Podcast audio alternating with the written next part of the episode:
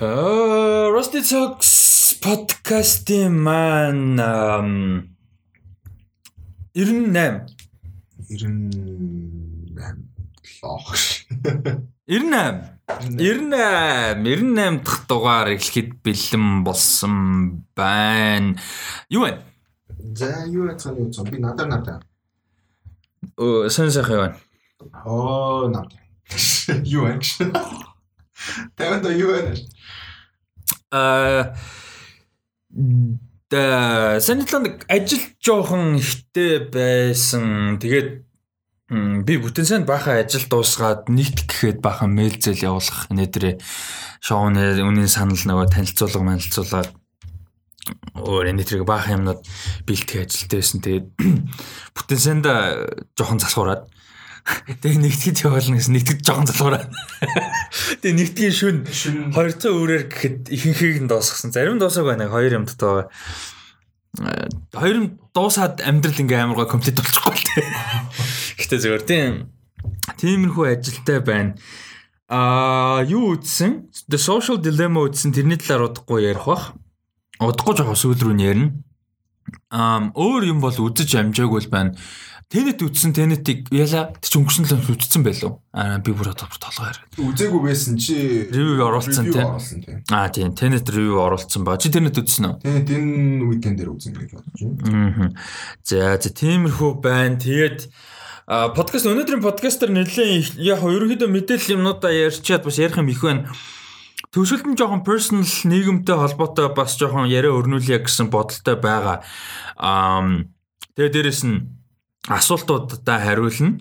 Events with Rusty Group дээр орцоогоор удахгүй нэлээд нэлээд их ажил явагдаж байгаа шүү. Тэгээ group дээр хамгийн түрүү мэдээлэлд ордог байгаа. Аа ер нь яг идэвхтэй байна гэсэн хүмүүс л ороорой гэж зөвлөмөр байна шүү. Аа тэгээд м за ер нь өнөөдөр бол юу байхгүй трейлер нэг хаалга яг бодвол тэр засгсан трейлер байж магадгүй гэхдээ яг одоо бол том ярих трейлер бол байхгүй. Угаасаа 11 сар хүртэл одоо ингээ кино байхгүй. Кино байхгүй жоохтой Холливуудын одоо юу бол байхгүй. Одоо томхон хэмжээний кино гэх юм да. Байхгүй театр нэг кино бол байхгүй. Аа Black Widow байгаа яг одоогийн байдлаар хамгийн орхон кино. Аа яагаад гэдгийг нь бас удахгүй ярих бах нэг кино хаашилсан. А тэр удахгүй ярих жоохтой одоо ярих юм байна. Аа Wonder Woman хаашилсан байгаа. Wonder Woman 1984 аа сая 10 сард 10 сарын эхний 7 хоногт нээлттэй хийх төлөвлөгөөтэй байсан бол дахиж хойшлоо да. 12 сарын 25 буюу Christmas-аар нээлттэй хийхээр болж байгаа юм байна. Яг өмнөх 7 хоногт нь бол яг адилхан Warner Bros-ын Dune байгаа. Тэгээд Please pray to God Dune бити хойшлох нэрээ. God be good. Ийм байна. Аа чамд энэ дээр ямар сэтгэлтэй байна? Жохон харамсалтай байна. Миний хувьд бол 10 сарын 2-нд байсан. Харин тийм жохон харамсалтай байна. Аа тэгээд тэр хооронд нөгөө Netflix-эл нүддэг баг. Тийм, тэгээ ганц юм нь гол асуудал нь Wonder Woman хойшилсноор 10 сард кино байхгүй болчихж байна гэсэн үг. Ерөнхийдөө яг томох хэмжээний шүү дээ. Аа тэгээ 11 сар Black Widow тэр бол хамгийн том асуудал нь тэр. Яг 2 сар хойшлох бол окей fine гэхдээ аа тэр чи өөрөө ям яаж юм хөр нөө бид нар зүгээр үзэх кино байхгүй гэдэг утгаасаа гадна театрууд гэдэг асуудал. За Монголд удахгүй хэл ярих бах кино киноны талаар. Гэхдээ ер нь бол world wide хойлоо Америкт ч гэсэн аа одоо одоо тэнэд бол удаан хугацаанд гарна окей fine гэхдээ юу хүртэл Black Widow хүртэл бүтэн сар кино байхгүй нэ гэдэг өөрөө бизнес талаас амар асуудалтай. Айгу хэцүү болчихж байгаа шүү дээ. А шинэ кино байхгүй нэ гэдэг чинь те бизнесийн эргэлтэнд айгу асуудалтай бол манай ч гэсэн ер нь тэгэл зөвхөн Монгол кино л гарна гэсэн үг шүү дээ энэ хугацаанд.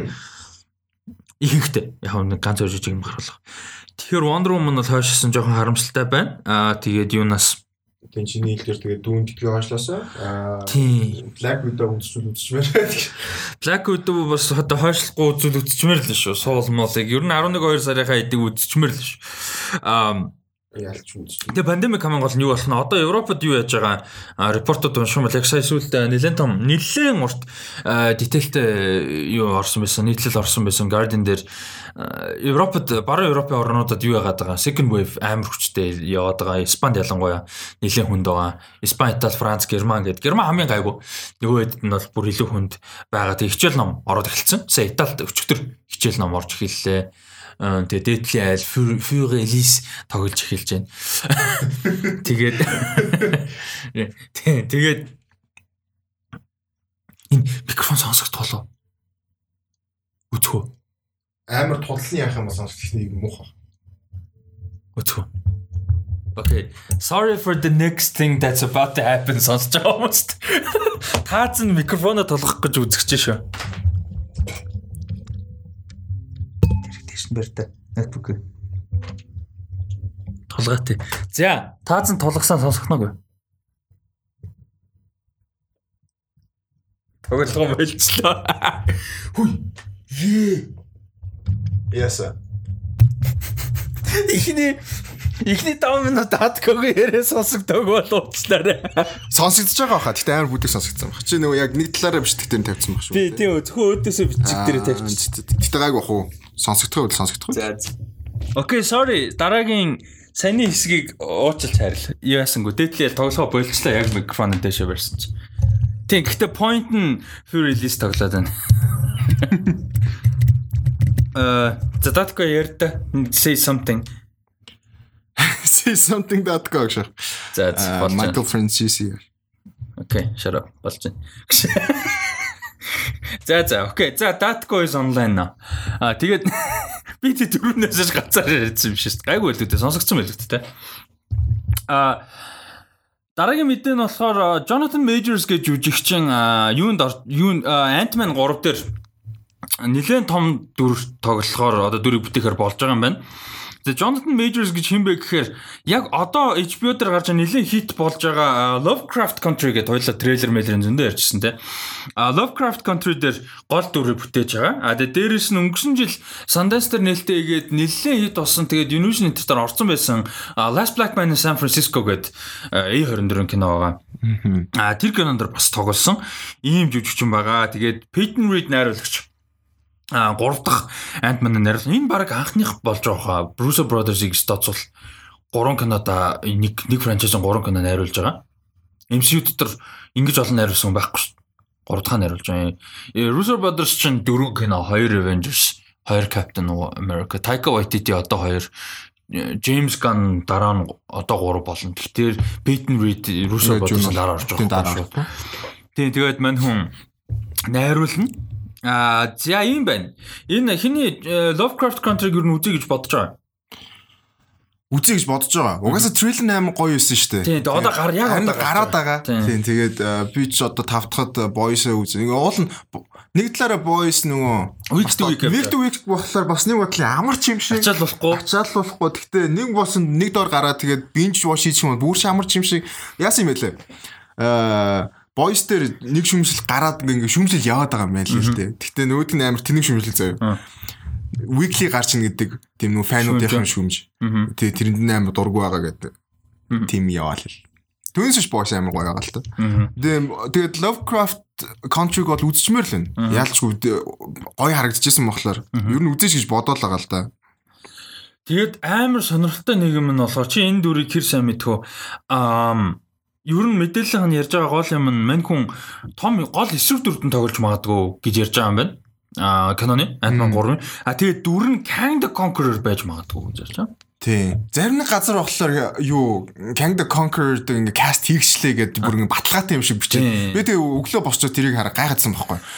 Гайхаад таашин шаашин оо shit nice гэж бодож ирсэн чинь зарим нэг нь болохоор зүгээр тэгэж яригч байгаа. Rumor гэсэн. Тэгээд аа за rumor байх магадaltaй юм байна.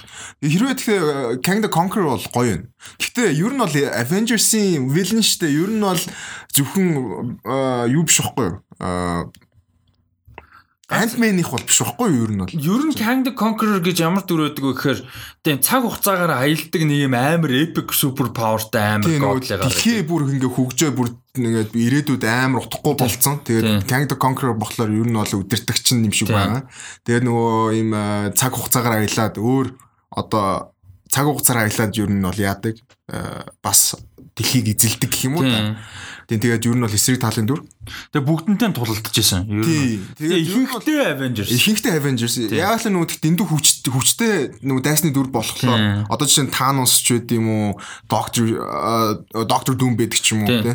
Тэднэртэй ялгаагүй амар том одоо дайсны эсрэг дүр болохоор зөвхөн бас нөө Ant-Man дээр гэхлээр бас энэ томдож магадгүй гэж бодоод байна л да. Нэг бол зүгээр илүү суурийг нь тавиад дараа нь Avengers-ийн том дайсан болно гэдэг ч юм. Гэтэ би Avengers бодохдоо бол MCU ч амар хувиргадаг штэ. Би бол зүгээр илүү хувиргачих байх л гэж бодоод нэг тийм яг бидний анимашн ч юм уу илүү комик дээр харсан э, Kang the Conqueror жоох өөр тийм version болоод. Тэгээ арай хамаагүй power нь баг те зүгээр илүү хүмж байдаг ч юм. Тэгээ нэг тийм төстэй ганц хоёр дуулга муулга юмтай whatever. Тийм нэг бол а нөгөө Avengers нөгөө End Game дээр нөгөө time travel-ыг олчдсон шүү дээ. Тэр мөрөнтэй илүү холбоотой. тэгэхээр манай хүн чинь time travel амар холбоотой шүү дээ. тийм. Тийм болохоор яг хуу тэрнтэй холбоотой байж бас болох юм тийм. Тийм тэгээ нэг дэндүү амар powerful дүрээр оруулж Тийм л байх. Гэтэ бид нар power level-ийг нэг ярьдаггүй болохоос ш яг MCU-гийн character дунд Ant-Man-ы power god шүү дээ. Уулна. Уулна л. Бид нар нөгөө нэг дөрвөн комеди тэгээ кинонууд нь комеди болчиход байдаг болохоор тоодгүй болохоос ш.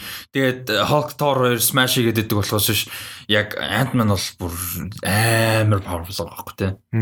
Тэгэхээр Уул нь бол хин байсан бол өө shit нөгөө Hank Pym байсан бол Hank Pym чинь хамгийн ухаантай тий. баг хоёрт нь ордог байх шүү. Нэгт нь юу Reed Richards. Reed Richards тэгээд баг хоёрт нь Pim. Pym Pym байдаг. Тэгээд э, T'Challa Machala энэ хэд явж байгаа тий. Тийм. Тэчээлээ Tony Stark тэгээд хин байд юм Bruce Banner гэдэг. Баа одоо байнаар амар шүү. Тийм банер амир тийм. Тэгээд юу ч хоёрт нь яалчгүй Hank Pym ордог. Яг уу нэгт нь угаасаа Reed Richards угаасаа тулцсан ухаантай баг нөгөө дэсээ баг level хит ахи илүү болохоор уул нь яг Hank Pym яг өөрөө Ant-Man байгаа. Тэгээд э, нөгөө бас өөр яг суперхиро дүр гэхэд хэцүү шттэ маа нөгөө комик дээр илүү нэг жоохон сэтгэл зүйн талаас нь жоохон Асуудалтай. байдаг. Тэгээ тэр тал нөгөө тх юу аа, тэрүүгээрээ ч тэгээд юу нэг сайн дүр ч юм уу ч юм уу дүр гэдэг нэг сон ингээд хэцүү байгаад байдаг. Уул нөгөө залуухан дүр байгаад яг өөрөө Hank Pym байсан бол бас яг тэр нөгөө аим ухаантай э, тэгээд тим дүр байсан бол бас гоё байж магадгүй л. Гэхдээ аа угаасаа анханасаа өөрөөр явцсан болохоор одоо яах вэ?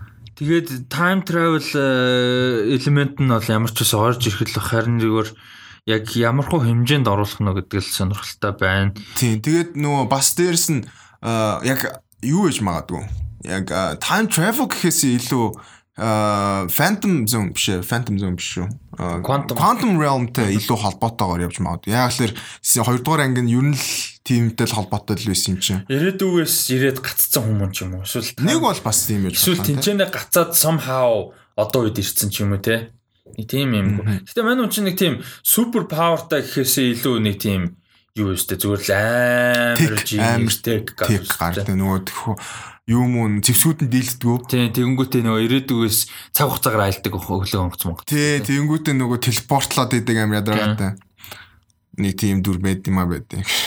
Гэхдээ ер нь бол яалчгүй арай жижиг яг чиний хэл дээр арай жижигрүүл нөгөө тэр тэрэндээ нөгөө тэг Ant-Man зориулаад арай жижигсгэж магадгүй power level. Тэгэл бах. Тий, нэг бол одоо жишээ нэг бол э, origin mic-аар явждаг ч юм уу тий дараа нь амар том дүр болохоор. Гэтэ одоо миний бодож байгаа MCU-дэг том villain Харин- overarching story гэж ярьдаг шүү дээ. тий. Тийм байхгүй хаа. Байхгүй Ядаж 20-ны 2 3 дайнд чи нэг тийм байд. Тийм нэг 20 22 3 за 22 он дуустал ч юм уу байхгүй хаа. Миний бодлоор тэр doesn't make sense байгаа байхгүй яг одоогийн нөхцөл. Тэгэл яг кино болгоно нь тустай айгуу гоё байхгүй. Харин тэгээсэй л гэж найдаад шүү дээ. За дараа нь болохоор Wilde-гийн а, Olivia Wilde гэж унштай. Olivia Wilde-ийн а шин кино дээр ярьжсэн нөө Florence Pugh, Shia LaBeouf энтертэйгээ триллер кино. Chris Pine. Э, Тэр кинонд Shia LaBeouf жүжигчний бүрэлдэхүүнээс нь гарсан юм байна. Тэр дүрийг нь Harry Harry Styles орлохоор болсон юм байна. Энэ нэг сонирхолтой кастинг. Аа тэгээд хин Оливия Валд өөрөө бас дүр бүтээн. Тэгээд Chris Pine, Florence Pugh аа тэгээд Harry Styles. Тоглогоор болж байгаа. Тэгээд киноны нэр нь болохоор Don't Worry Darling гэдэг нэртэй кино. Ийм байна. Um Harry Styles ер нь жүжигчний карьер ер нь сонирхол бол байгаа юм шиг байлаа шүү дээ. Dunkirk бол яг жижигхэн Жижигхэн, тийм. байсан. Зүгээр байгаадаа байсан. Тэгээд ер нь цаашаа бол жүжигчний карьер аягүй сонирхолтой юм шиг байлаа. Энэ дээр чамд ямар сэтгэл төрж байна. Дээрээс нь яг ийм а карьер нэг карьер нь насанд хүртлээ ингээд тогтцсон өөр карьер рүү шилжих нь чамд ямар санагддаг вэ? Ялангуяа юм дуучин байж байгаа жүжигчин эсвэл одоо юу гэдэг их үү? Тийм, энэ надад бол нэг тийм нэг том асуудал байдаг юм. Гайгүй шүү. дээ. Гайгүй. Одоо жишээ нь J-Lo Inter ч гэсэн тэгэл нөө бас нөө дуу одоо тэр артист а, юу юм шиг нэ дуучин нөө тэх карьерээ хадгалангаа бас нөө кино тоглоо яваад идэг болохоор бас тийм Harry Styles тэгэх боломжтой болох. Уул нь бол надад бол дууд нь таалагддаг шүү дээ. Тэр нөгөө юу лээ. Нэг шинэ альбом Тийм, шинэ- шинэ биш шинэ биш шүү. Тэрний яг хамгийн анхны дебют Тийм альбом. дебют альбом тийм. Harry Styles өөрийнх нь Тийм, Harry Styles гэдэг Тийм, альбом, Harry тийм. Styles гэдэг. Тэр мөр амар таалагддаг. Тэр амар гоё альбом Тийм. Тэр амар гоё цаалагддیں۔ Тэгээд яг хаа дуушныхаа бас карьерийг хөөнгөө бас хажуу талаар нь кино урлагт бол хүчээ үзэхэд бол нэг муу яагаад ахгүй л ах. Зүгээр л ах. Над бол Dunkirk тэр жижигэн дүр. Гэхдээ яг хаа тэгээд э, ийм карьертэй болъё гэж зориулж байгаа бол үз- үзээд алдгал хэрэгтэй байна. Би бол тэгж л бодож. Тэгээ Оливия Вайлдын кинон дэр гэхээр бас гоё байхгүй. Тэгээ каст нь өөрөө Оливия Вайлд ч өөрөө амар experience жүжигч чинь. Тэгээ Florence Pugh, Chris Pine гэхээр айгу гоё. Тэгээд надад зүгээр яг том юм нь болохоор Shia LaBeouf-ийн оронд орж ирж байгаа гэхэлэр амар том бас нөгөө хүү дүр вэ? Дүр нь нөгөө тэх одоо юм шиг Чухал дүр. тийм. Чухал дүр байгаа болохоор тийм. Нилээн not normal дүр байгаа. Тийм. Нилээн ecstatic дүр байгаа. Shia LaBeouf. Тэгэхээр яг уу яг тэр нөгөө өөрх нь актинг тэ нөгөө жүжиглэх чадварыг нь шаардсан тим дүр байгаа бол тэгээд яг гоё л ах. Өөрт нь гоё л байгаа. Тэгээд э, юу му бодвол а, юу хийсэн байлгүй тий. Кастинг Audition баг audition хийгээгүй. Тэрнээс биш. Тийм туршлагагүй жүжигчнийг шууд бүхэлдэн Shia LaBeouf шиг туршлагатай хүнээр хүнийг орлож байгаа юм тийм. Би яг тэ- тэрэн дээр нь л яг бодод байгаа. Ой тийм болохоор гайгүй болоод я бас дээрс найрш морилогч чинь ч гэсэн хүмүүс ахад оролцоо байгаа л үлээ. Тэгээ жүжигчний сонгоход. Мгм. За тэгээд нэг юм мэдээлэл байна. Аа за дараа нь өнөөдрийн дугаараар нэлээд юм ярина.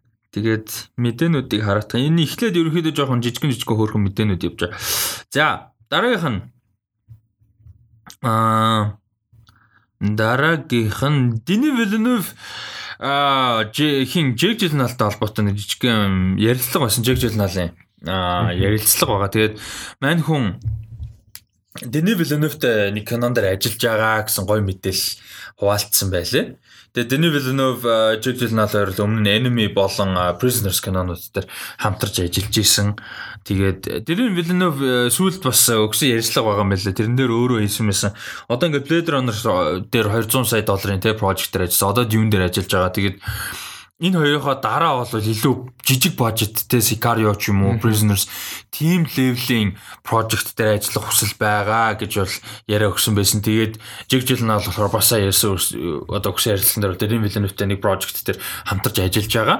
А тэгээд тэр project бол хамаагүй жижигтэй төсөвтэй хамаагүй жижиг project байх болно гэж ярьсан байсан би энэ дэр маш баяртай. Тийм бис амар баяртай. Би юуныг бол амар хүлээж ин гэтээ зөрүүлээд Дэни Villeneuve, Дэни Villeneuve ингээ буцаад жижиг кино нэгдэлт бүр амар хайртай. тэр нь гэхдээ яг Blade э, 2049 Blade Runner Blade Runner тийм Blade Runner. Blade Runner-ыг би гэхдээ яг тийм амар том Blade 2049 гэсэн амар cyberpunk Blade амар Wesley Snipes Mahershala Ali өөр. Яа. Аа юу юм шимдэ. Blade Runner болохоор надад ингээд нэм scale нь амар том кино. Тийм. Бажж том. Тийм. Яг тийм Villeneuve хийсэн болохоор нэг тийм тодорхой хэмжээний нэг тийм юу юм шимдэ. Яга юу гэдсэн штэ нөгөө э, Blade Runner хэмэлтчихсэн чи 250 сая долларын art house кино гэдсэн. Тий, тий, тий, тий, exactly нэг тийм аа Blockbuster биш байхгүй, тий. Би юу гэж хэлээ яг хэлж юу яг үгээ олж үз яг тийм blockbuster биш. Гэтэ art house гэж хэлэхэд хэцүү зүгээр нэг deliver villain болохоор ингээд нэг тийм аа нэг easy гэхэд хэцүү нэг тийм хөнгөн нэг тийм гой урсгалтайгаар нэг тийм гой хийсэн юм санагдаад байхгүй. Гэтэ энэ өөрөө өөр дээр тийм pressure аваагүйгээр яг зүгээр л яг гой зохиол нь юмтэй scope нь том ч гэсэн би өөрөөрөө хийн тэгээд энэ миний хийж байгаа уран бүтээл гээд нэг тийм гой хийгээ гаргасан юм санагдаад байхгүй юу? Тэгэхгүй нэг зарим нэг одоо уран бүтээлч ч юм уу те эндүү том эпик юм бодлоор эпик болох гээд хичээгээд байдаг нэг тийм тал байдсан шүү дээ. Тийм биш. Тэгээ тэр надад аим таалагдсан. Тэгээд одоо жижиг жижиг кинонууд хийн гэхлээр бүр гоё юм. Тэгээд өөрөө ч аим comfortable байна бах. Тэгээд тухтай. Уулаа шүү өөрөө шүү эпик кино хийсэн ч өөрөө аим тухтай байт юм шиг байгаа. Яагаад дээдгүү? Тэгээд одоо хин Villeneuve бол 2010-ад оны decade-ийн the best filmmaker шүү. Нь ямар ч маргаан байхгүй. Like Who who's gonna like okay Russo Brothers тэгээд яг scope-ийн хувьд okay fine. Яг filmography гэх юм бол Denis Villeneuve-ыг 10-аад онд гүйцэхгүй байхгүй. Тэгээ Нэг юм. rival rival. Arrival Sicario Insanity Enemy Prisoners Blade Runner 49. Like Тэг утахгүй. fucking hell. Би гэхдээ яг Jake Gyllenhaal-тай хийсэн хоёр киног хоёул нь үзээгүй. Enemy Prisoners. Enemy Prisoners. Би Enemy-г ихлүүлчихэд Гэхдээ яг аа. what the fuck гэж бодоочгүй. Ягаад тэр чинь яг нөгөө тэр жилдээ гараад нөгөө та нар нөгөө битүү ярьсан шүү дээ. Enemy нөгөөх нь юу лээ? The Double. The Double. Хинтээ оо манай Zuckerberg, Тий, тий, тий, тий. Jesse Eisenberg. Тэгээд яг тэр хоёр кино яг зэрэг яригдаадсан байхгүй юу? Би тэгээд оо энэ амар fucked up энэ хоёр киног үзчих юмсан ингээд Enemy-г яг ихлүүлчихэд тэгээд яг ихлүүлсэн юм чинь баг танаас ч ихлүүллээ. Яг тэгээд дундаас нь нөгөө хүмүүстэй уулзсан мул за тэгээд эцэст нь ингээд зохиол явж ирсэн цэг тавьчихдаг гэж нэг тийм яа. Би тэгээ what the fuck ингээд бодож байгаа тэгээд тэр шигтэй орхоо тэгээ бүр мартагдаад Enemy-г бүр үзээчгүй. Би Prisoners тэнгист үзсэрлээ юу цангаа. Амар сайн киног нь санаж ин амар thrilling амар зөвүүн кастингтай гоё жүжиглэлтэй бүр Hugh Jackman Paul Dano хоёр бүр алдгийг санаад байгаа байхгүй. Terence Howard гэсэн амар cool байдаг. Яаж ч Terence Howard би нөгөө яг Empire үзчихсэн. Hugh Jackman Тийм. Тэг жижигсэн. Тэгтээ яг плотын санахгүй байхгүй. Яг амар их мэдрэмж бүх юмаа санаа яг плот нь shit яг яадаг байлаа санах. Би бусад Denis Villeneuve кинонууд нэг тийм quality таахгүй. Like unforgettable заяа. Нэг үз таалагд оо arrival and fucking би сэлсэн зур. Ингээд нэг үдсэн бол таалагдаг таалагдахгүй асуудал мартагдана гэж байхгүй. Тэгэд зөв prisoners би яг тэгээ мартагчаад таа. Тэг би дахиж үзье гэж бодож би харин Enemy-г үзэх сонирхол бүр баг 2015 оноос хойш байна. Тэгээд Жиг жилнал чамд а, sorry би яриаг нэслээ. зүгээр зүгээр. А жиг жилнал чамд амар underrated санагддаг уу? Kind of. Underrated. Манайгаар өөрөө угаасаа тийм байх дуртай юм шүү. Гэхдээ ингээд мань хүн одоо бидний ярьдгаар яг амар generalize хийж байгаа л да. Гэхдээ бидний ярьдгаар нөгөө A-listтэй нөгөө а, awards жүжигчин бохгүй юу? Тий. Гэхдээ хэзээ ч тэгж яригддгүү. А хүн болгон мэднэ. Жиг жил oh shit бүгд. Гэхдээ нэг тийм хизээч ингээд төрүүлж дурддахгүй нэг тийм штэ. Тийм тийм нэг муу тал байдаг л да ялч. Жиг жилэн хаан бол тэгтээ бүр тэр нөгөө аа, тэгтээ яг тэр хэмжээнд одоо яригдах хэмжээнд очсон гинт нөгөө угаасаа л байсан. Гэтэ яг нөгөө Nightcrawler дээр хүмүүс хамгийн их ярьсан баг. Тийм. Яг үгүй тэгсэн юу ч шагнал нэр төвшөөгүй байгааг байхгүй. Тийм тийм. Тэгээ энэ мэдэр дээр амар ш дуулна. Мгм. Denis Villeneuve-ийн 2010-ад оны юу заяа filmography зөвхөн 10-ад он. Insanity, Prisoners, Enemy, Sicario, Arrival, Blade Runner 49, 2049. Зүгээр ингээд ийм Sicario нэг л бүр кино нь ёо. ганц аль нэг кино л зүгээр фильммейкерийн мөрөөдөлнөөс тийм quality-тэй кино хийхэнсэн гэдэг. Тийм. Зүгээр тэгсэн чинь 6 бүр ийм masterpiece гаргах цайдаг нас. Тэгвэл Denis Villeneuve-ийн хамгийн анх үзсэн кино Sicario юм биш үү? Юу юм тийм л те. Гүй ээ. Prisoners би бол Prisoners. Чи бол тийм бах. Би угаасаа нөгөө тхи Prisoners болон Аа. Enemy үзээгүй болох тийм шүү. Sicario болчих А тийм ээ, тийм ээ, тийм ээ. А тэгээ Arrival Blade Runner. Тийм. Rival Blade Runner болчих жоо. Амар амар. Зүгээр ингээд нэг кино гарахтаа утгагүй epic амар амар бүр амар мундаг кино хийгээ яваад юу гэж. Гэхдээ бас нэг юм ингээд expectation яг өгчөө. Тэгтээ Тийм дээ. Нь шүү дээ тий. Dune зэ миний хүлээлт юу гэж it- it's gonna be the greatest movie of all time. Гэхдээ тэгтээ тэгэж бодхоос арахгүй зохиолч нь найруулагч нь жүжигчдийн бүрэлдэхүүн тэгээ production crew тий бүр тэгээд ирэнгүүт утгагүй болчих. Гэтэ нөгөө анх хуйлаа тэрийг бүр casting жишээ production crew зарлагдчих хат ярьжсэн нэг санаж байна бүр. Тэгээд нөгөө 7 хоног болгоно нөгөө каст нь ингээд нэмэгдээл. Йоо тэр Oh my god. Тэр бүр амар гоё. Одоо Тэгээд тэгээ тэр ярьжсэн кино одоо ингээд одоо гарах чинь ингээд боддоо. амар in the middle of a global pandemic. Амар сан тий. Миний favorite кино яалтчгүй Blade Runner л да. Гэхдээ нөгөө хэд нь бүгд гоё. Би тэгтээ энэ Polytechnic энтрийг үзээгүй үзнэ. Үзнэ л гэж бодож байгаа. За дараагийнх нь бас нэг хөөрхөн зүгээр жижигхэн мэдээ. Um Vince Vaughn, Catherine Newton хоёр тоглосон horror comedy гарч байгаа юм байна. А, Universal болон Bloom э, Bl- Bl- Bl- Blumhouse, Blumhouse-ийн гаргаж байгаа. Тэгээд 11 сарын 13 нээлттэй ихэр болж байгаа маань production юм нь бол аль дээр дууссан байсан. Тэгээд Catherine Newton нөгөө сүлд Netflix-ийн The Society гэж зураг тогсноор хүмүүс мэдж магадгүй. Нилээн хит болсон гэхдээ цуцлагдсан. Зурлал нь. Сайхан cancelдагдсан бас нилээн юм болсон фэнүүд нь цуцалчлаа гэдэг. Тэгээд Катрин Ньютон Винс Вон хоёрын тогсон юм body swap comedy horror кино байгаа. Одоо бие сэлдэг нөгөө юу гэж өгдөн штэ. Аа Rachel McAdams-ийн хоёртой Роб Шнайдер хоёртой нэг байдیں۔ Тэгээд Линси Лохан Линси Лохан нэг ээжтэй ээжтэй өсөд байдаг Freaky Friday гэдэг байдیں۔ Тиймэрхүү гэсэн үг. А тэгээ энэ болохоор илүү жоохон horror элементийг оруулж өгсөн. Тэгээд Катрин Ньютон болохоор юм 17 настай ахлах сургуулийн охин. А тэгээд хин болохоор Vince Vaughn болохоор юм а, Цуврал уусаа- алуурчин. манай ч авраг хүн шүү дээ. Мэдээ 96 талаа шүү дээ. Тэгээд юм авраг бүр юм цуврал алуурчин баг. Тэгээд энэ хоёр ингээд юм randomly mysticalтэй юмнаас болоод а, биен солигдчихж байгаа. Нэг гутаг гэдэг гэж байгаа. Тий. Тэгээ 24 цагийн дотор бие өөрийнхөө биеинд олж авахгүй болвол энэ 40 50 хүрсэн дунд юу цуврал алуурчин хүнд багийн биеинд гацна. Ийм сторитэй юм байна. А тэгээ нөгөөх нь болохоор юу яаж байгаа? Хот даяараа ингээд мань хүнийг хөөж байгаа. Тэ цуврал алуурчин амар багийн ирэл хайгуул болж байгаа. Ийм а comedy horror story юм байна. Тэгээд э, 11 сард э, кино театруудаар Америкт нээлттэй хийн 11 сар 13 нээлттэй нэгсэн юм а ютагаа байна. Хүмүүс ер нь Catherine Newton-ыг гэхдээ хамаагүй юугаар мэдлэг мэдэх байхаа. Blockers-аар мэд мэдж магадгүй. Тийм блокерс дээр бас тоглосон. Тий. А нөө Джон Сина минатай. Синагийн охин. А. Джон Синагийн охин. Тийм үү? Мөн Джон Синагийн охин нь биш шүү дээ.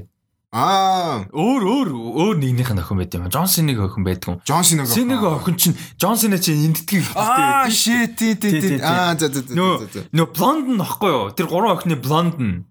Тий, тий, Тий, тий, тий, тий. Ээж нөгөө хин ээж нь хөөгд яваад идэв Тий, тий, тий, тий. Санчлаа санчлаа. Тийм. Тэрүүгээр Blockers-аар хүмүүс хамаагүй сайн мэдэх бах. Тэнд ч угаасаа амар хөөрхөн дөрөв тийм дөө. Тийм. Тэгээд э, найруулагч нь юу юм бэ? Энэ Кристофер Ландон гэж энэ э, Paranormal Activity-гийн баахан кинонуудын зохиолыг бичсэн гар юм байна.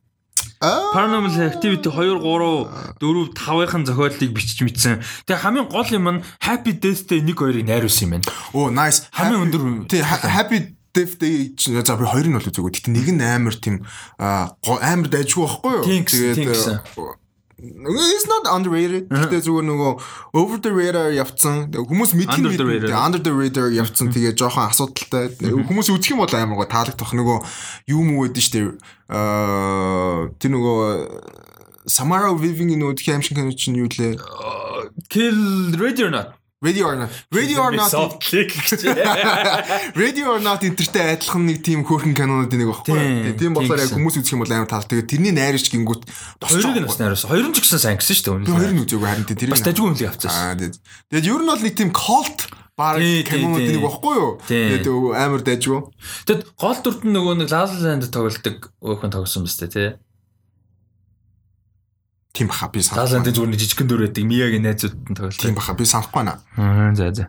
Окей. Ам За энэ бол амар. Ер нь Гэтэ зохиол нь амар гоё юм байна. Минс Вон нэмэгтэй тэр чинь нөгөө яг дотор нь нэг 17 та охин орцсон тэгээд тэр жүжиглж байгааг нь харна гэвэл инээд Тэгээ Катрин Ньютон гэсэн Винс Вон болно гэж бодлоо. Тэнгүүд тэр нэг Тэгээ хоррор элементтэй болохоор бас гоё. Тэгээ comedy, horror comedy. Ер нь dark comedy л юм байна. Тэгэд энэ хиний а Винс Ваны сүүлийн үеийн карьер агуу сонирхолтой байна те.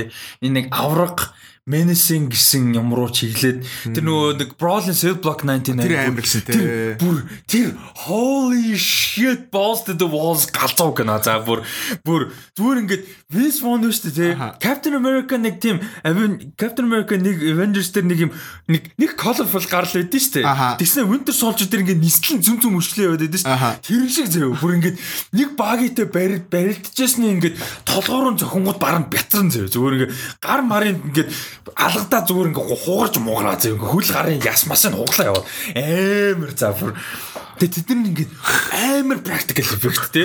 Тэгээд үзэхэд амар үнэмшилтэй амар weirdly үнэмшилтэй юм superhero level биш зүгээр энэ нэг юм авраг мунаг хүн байгаад байна гэдэг үнэмшил төрөхөр Угаасаа Wins Bond угаасаа тийм те. Тэгээ нөгөө нэг мань хүн чинь тийм аврагаас гадна жоохон хөдөлгөөний эвсэл муутай. Хүн нь өөрөө тэгээд өндөр хүн чинь угаасаа ихэнхтэй хэцүү шүү дээ тийм метр 6 7 он чинь. Тэгээд ер нь жоохон хөдөлгөөний тэгээд мэдээж спорт юм биш юм чинь. Дуэн Джонсон бас нэг бодвол. Тэгээд жоохон хөдөлгөөний эвсэл юм. Тэгээд тэрэн дээрээ бакерчингууд ийм амар медисэн муу харагддаг. Одоо жишээ нь Дуэн Джонсон чинь чинь акшн харагдаад ш. Ингээл зодлож молдож болохоор. Тэгээ манай чинь тийм биш үнийг юм моног байна. Нэг авраг нэг юмсан нэг яваад. Тэг мангар ивсэл ивсэлгүй. Гэтэ Winston уул нь бол нэг тиймэрхүү за яг энэ ком комеди хоррор болчлаа юм л да. Гэтэ илүү драма, илүү нэг тийм өөр дөрүүд тоглол арай зөгцсөн санагдаад. Тэгэхгүй нэг комеди болоод ирэнгүүт надад нэг тийм зөгцсөн. Инээдтэй л Тий, дээ. тий. Тийм. Гэтэ яг хөө илүү нөгөө драма тал руугаа явах юм бол гоё юм аа гэж бол. Owen Wilson-тэй чинь юу илээ? Wedding Crash. Тийм, тэр бүр амар инээдтэй те бүр. Амар тэнэг кино юу. Винсмон тэгтээ гоё. Винсмоны тэр нөгөө тэр нөгөө internship нөгөө Google internship хийгээд чинь бас Wilson амар гоё. Тэгээд тэр нөгөө нэг донор sperm donor өгөөд байдаг. Аа, тэр Тэр бүр амар тийш нөгөө тинейжер байхдаа баахан sperm donor өгсөн. Тэгээ мөнгөөр Тэгээ бүр амар олон хүүхдүүд нөгөө нэг sperm donor нь өөр амар quality sperm donor байна амар quality. амар олон хүүхд төрсэн. Тэгээ тэр бүр амар инээдтэй. Тэгээд мань хүн чинь delivery man нэр нь. Тий, тий. А тэр бүр амар гоё. Тэгэнгүүтээ юу бас амар гоё юм а. Мань үний амар underrated кино зөө миний хувьд. Би cool гэх кино. Би яриа л хэдэн штэ. Аа, нөгөө Dwayne Rock Johnson. Dwayne Johnson, Vince Vaughn, Cedric the Entertainer хим минтэ гол дүр нь хин манай oh shit. Манай Pop Fiction хин Аа, Samuel L. Jackson. биш ээ нөгөөх нь shit. Аа Нөгөөт манай Saturday Night Fever. Аа, Fucking-. Ам, аа, shit. Oh. Miyazaki effect явцсан.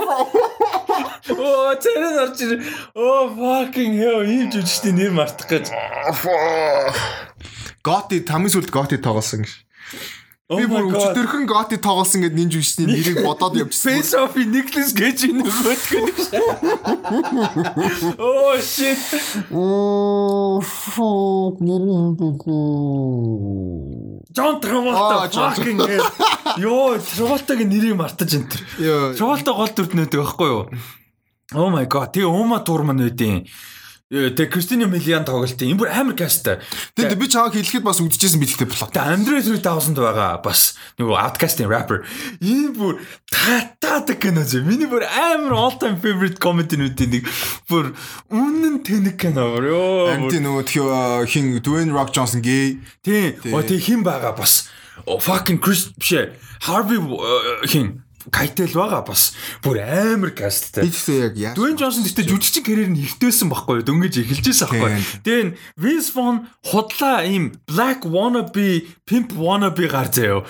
Ийм obviously white тэгээ амар awkward гар тэгснэ амар ийм black pimp wannabe гар заяо. Амар худлаа гар заяо.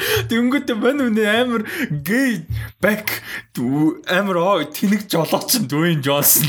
Харин тий.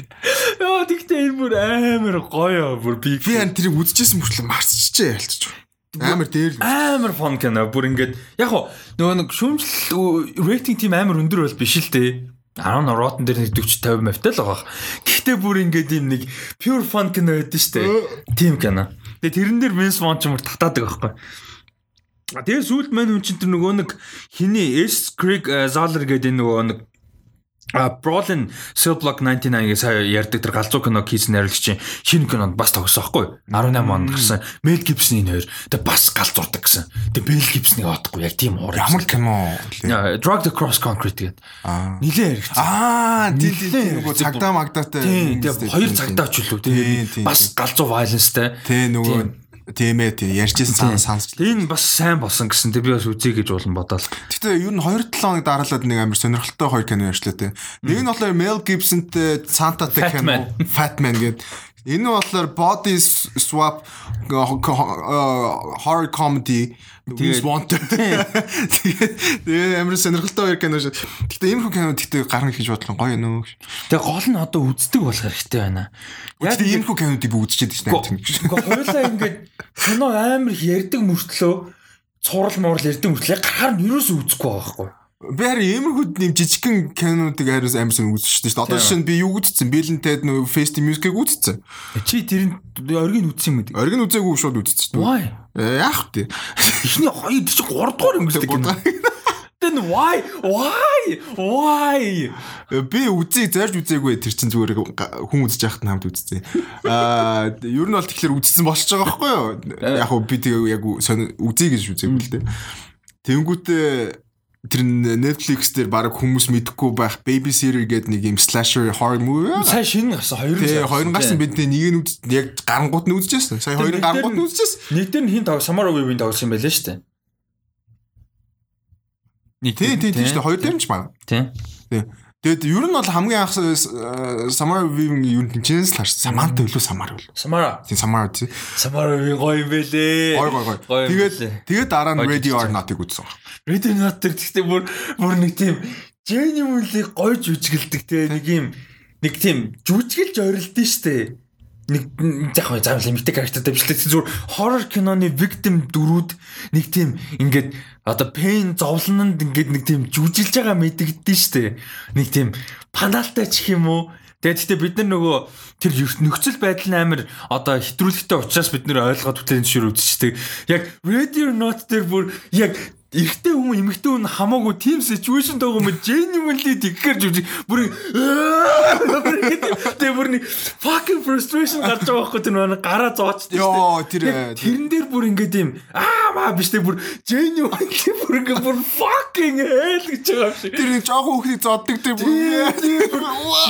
Тэр бүр ингээд амар genuine байсан байхгүй амар гоё нэг тийм. pretentious биш Тэр нь одоо амар таалагдсан бүр. Би харин нэг иймэрхүү сонин кинонуудыг гарангууд нь шууд үзчихэд байдаг байхгүй. Би тэгэхээр яг Худлаа холын ярьж байгаа тэр bad times дээр ройл үзээч. оо shit шүү дээ.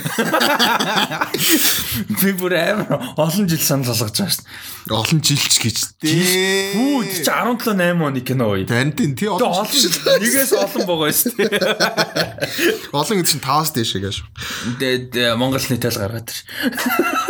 За дараагийнх нь Mr. Robot-ийн Sam Levinson-ы нууцаар гис хийсэн кино гэдсэн шүү дээ. Нөгөө карантины үе зураг авт авсан. Нууцаар гэж гэхдээ өөр юм зөвшөөрөл мөшөөрөл авсан л юм биш. Авсан яг нөгөө publicus нууцаар л гэж хэлж байгаа юм ханда. Аа. Түүнээс биш illegal нууцаар хичвэл карьер болчихлоо. Ам хин John David Washington Zendaya хоёр тоглосон Malcolm and Mary гэдэг кино бол битээр ябас ярьж зураг авт авцсан. За энэ кино а 10 оронтой тоотоо хэмжээнд ямар ч байсан дийл хийсэн гинэ. Тэгэхээр одоо дор хаяж нэг 10 сая доллар те. 10-аас 99 сая долларын хооронд. За 99 доллар ч хүрэхгүй л хөрх амт нэг 10 10 20 сая дээр л байгаа шүү. А хөөхич гэжтэй амар мөнгнаас те. Гэтэ өөрөөсөө нь тэгээ нөө production cost нь хэд болсноос шалтгаалаад Бага бааж л. Тэгээ бааж амар бага л үү. Тэгээ 20 character юу нэ? Тэгээд угаасаа баг нэг location нэг л юм шиг шүү. Тийм. Тэгээ нэг байшин дотор. Тийм тэгэхээр амар бага л байгаа. Тэгээд энэ кино Netflix руу орохоор болж байгаа юм байна. Sam Levinson-тэй дийл нь бол болчихсон. Аа тэгээд Netflix дээр гарахаар болж байгаа юм байна. Би бол амар happy байна.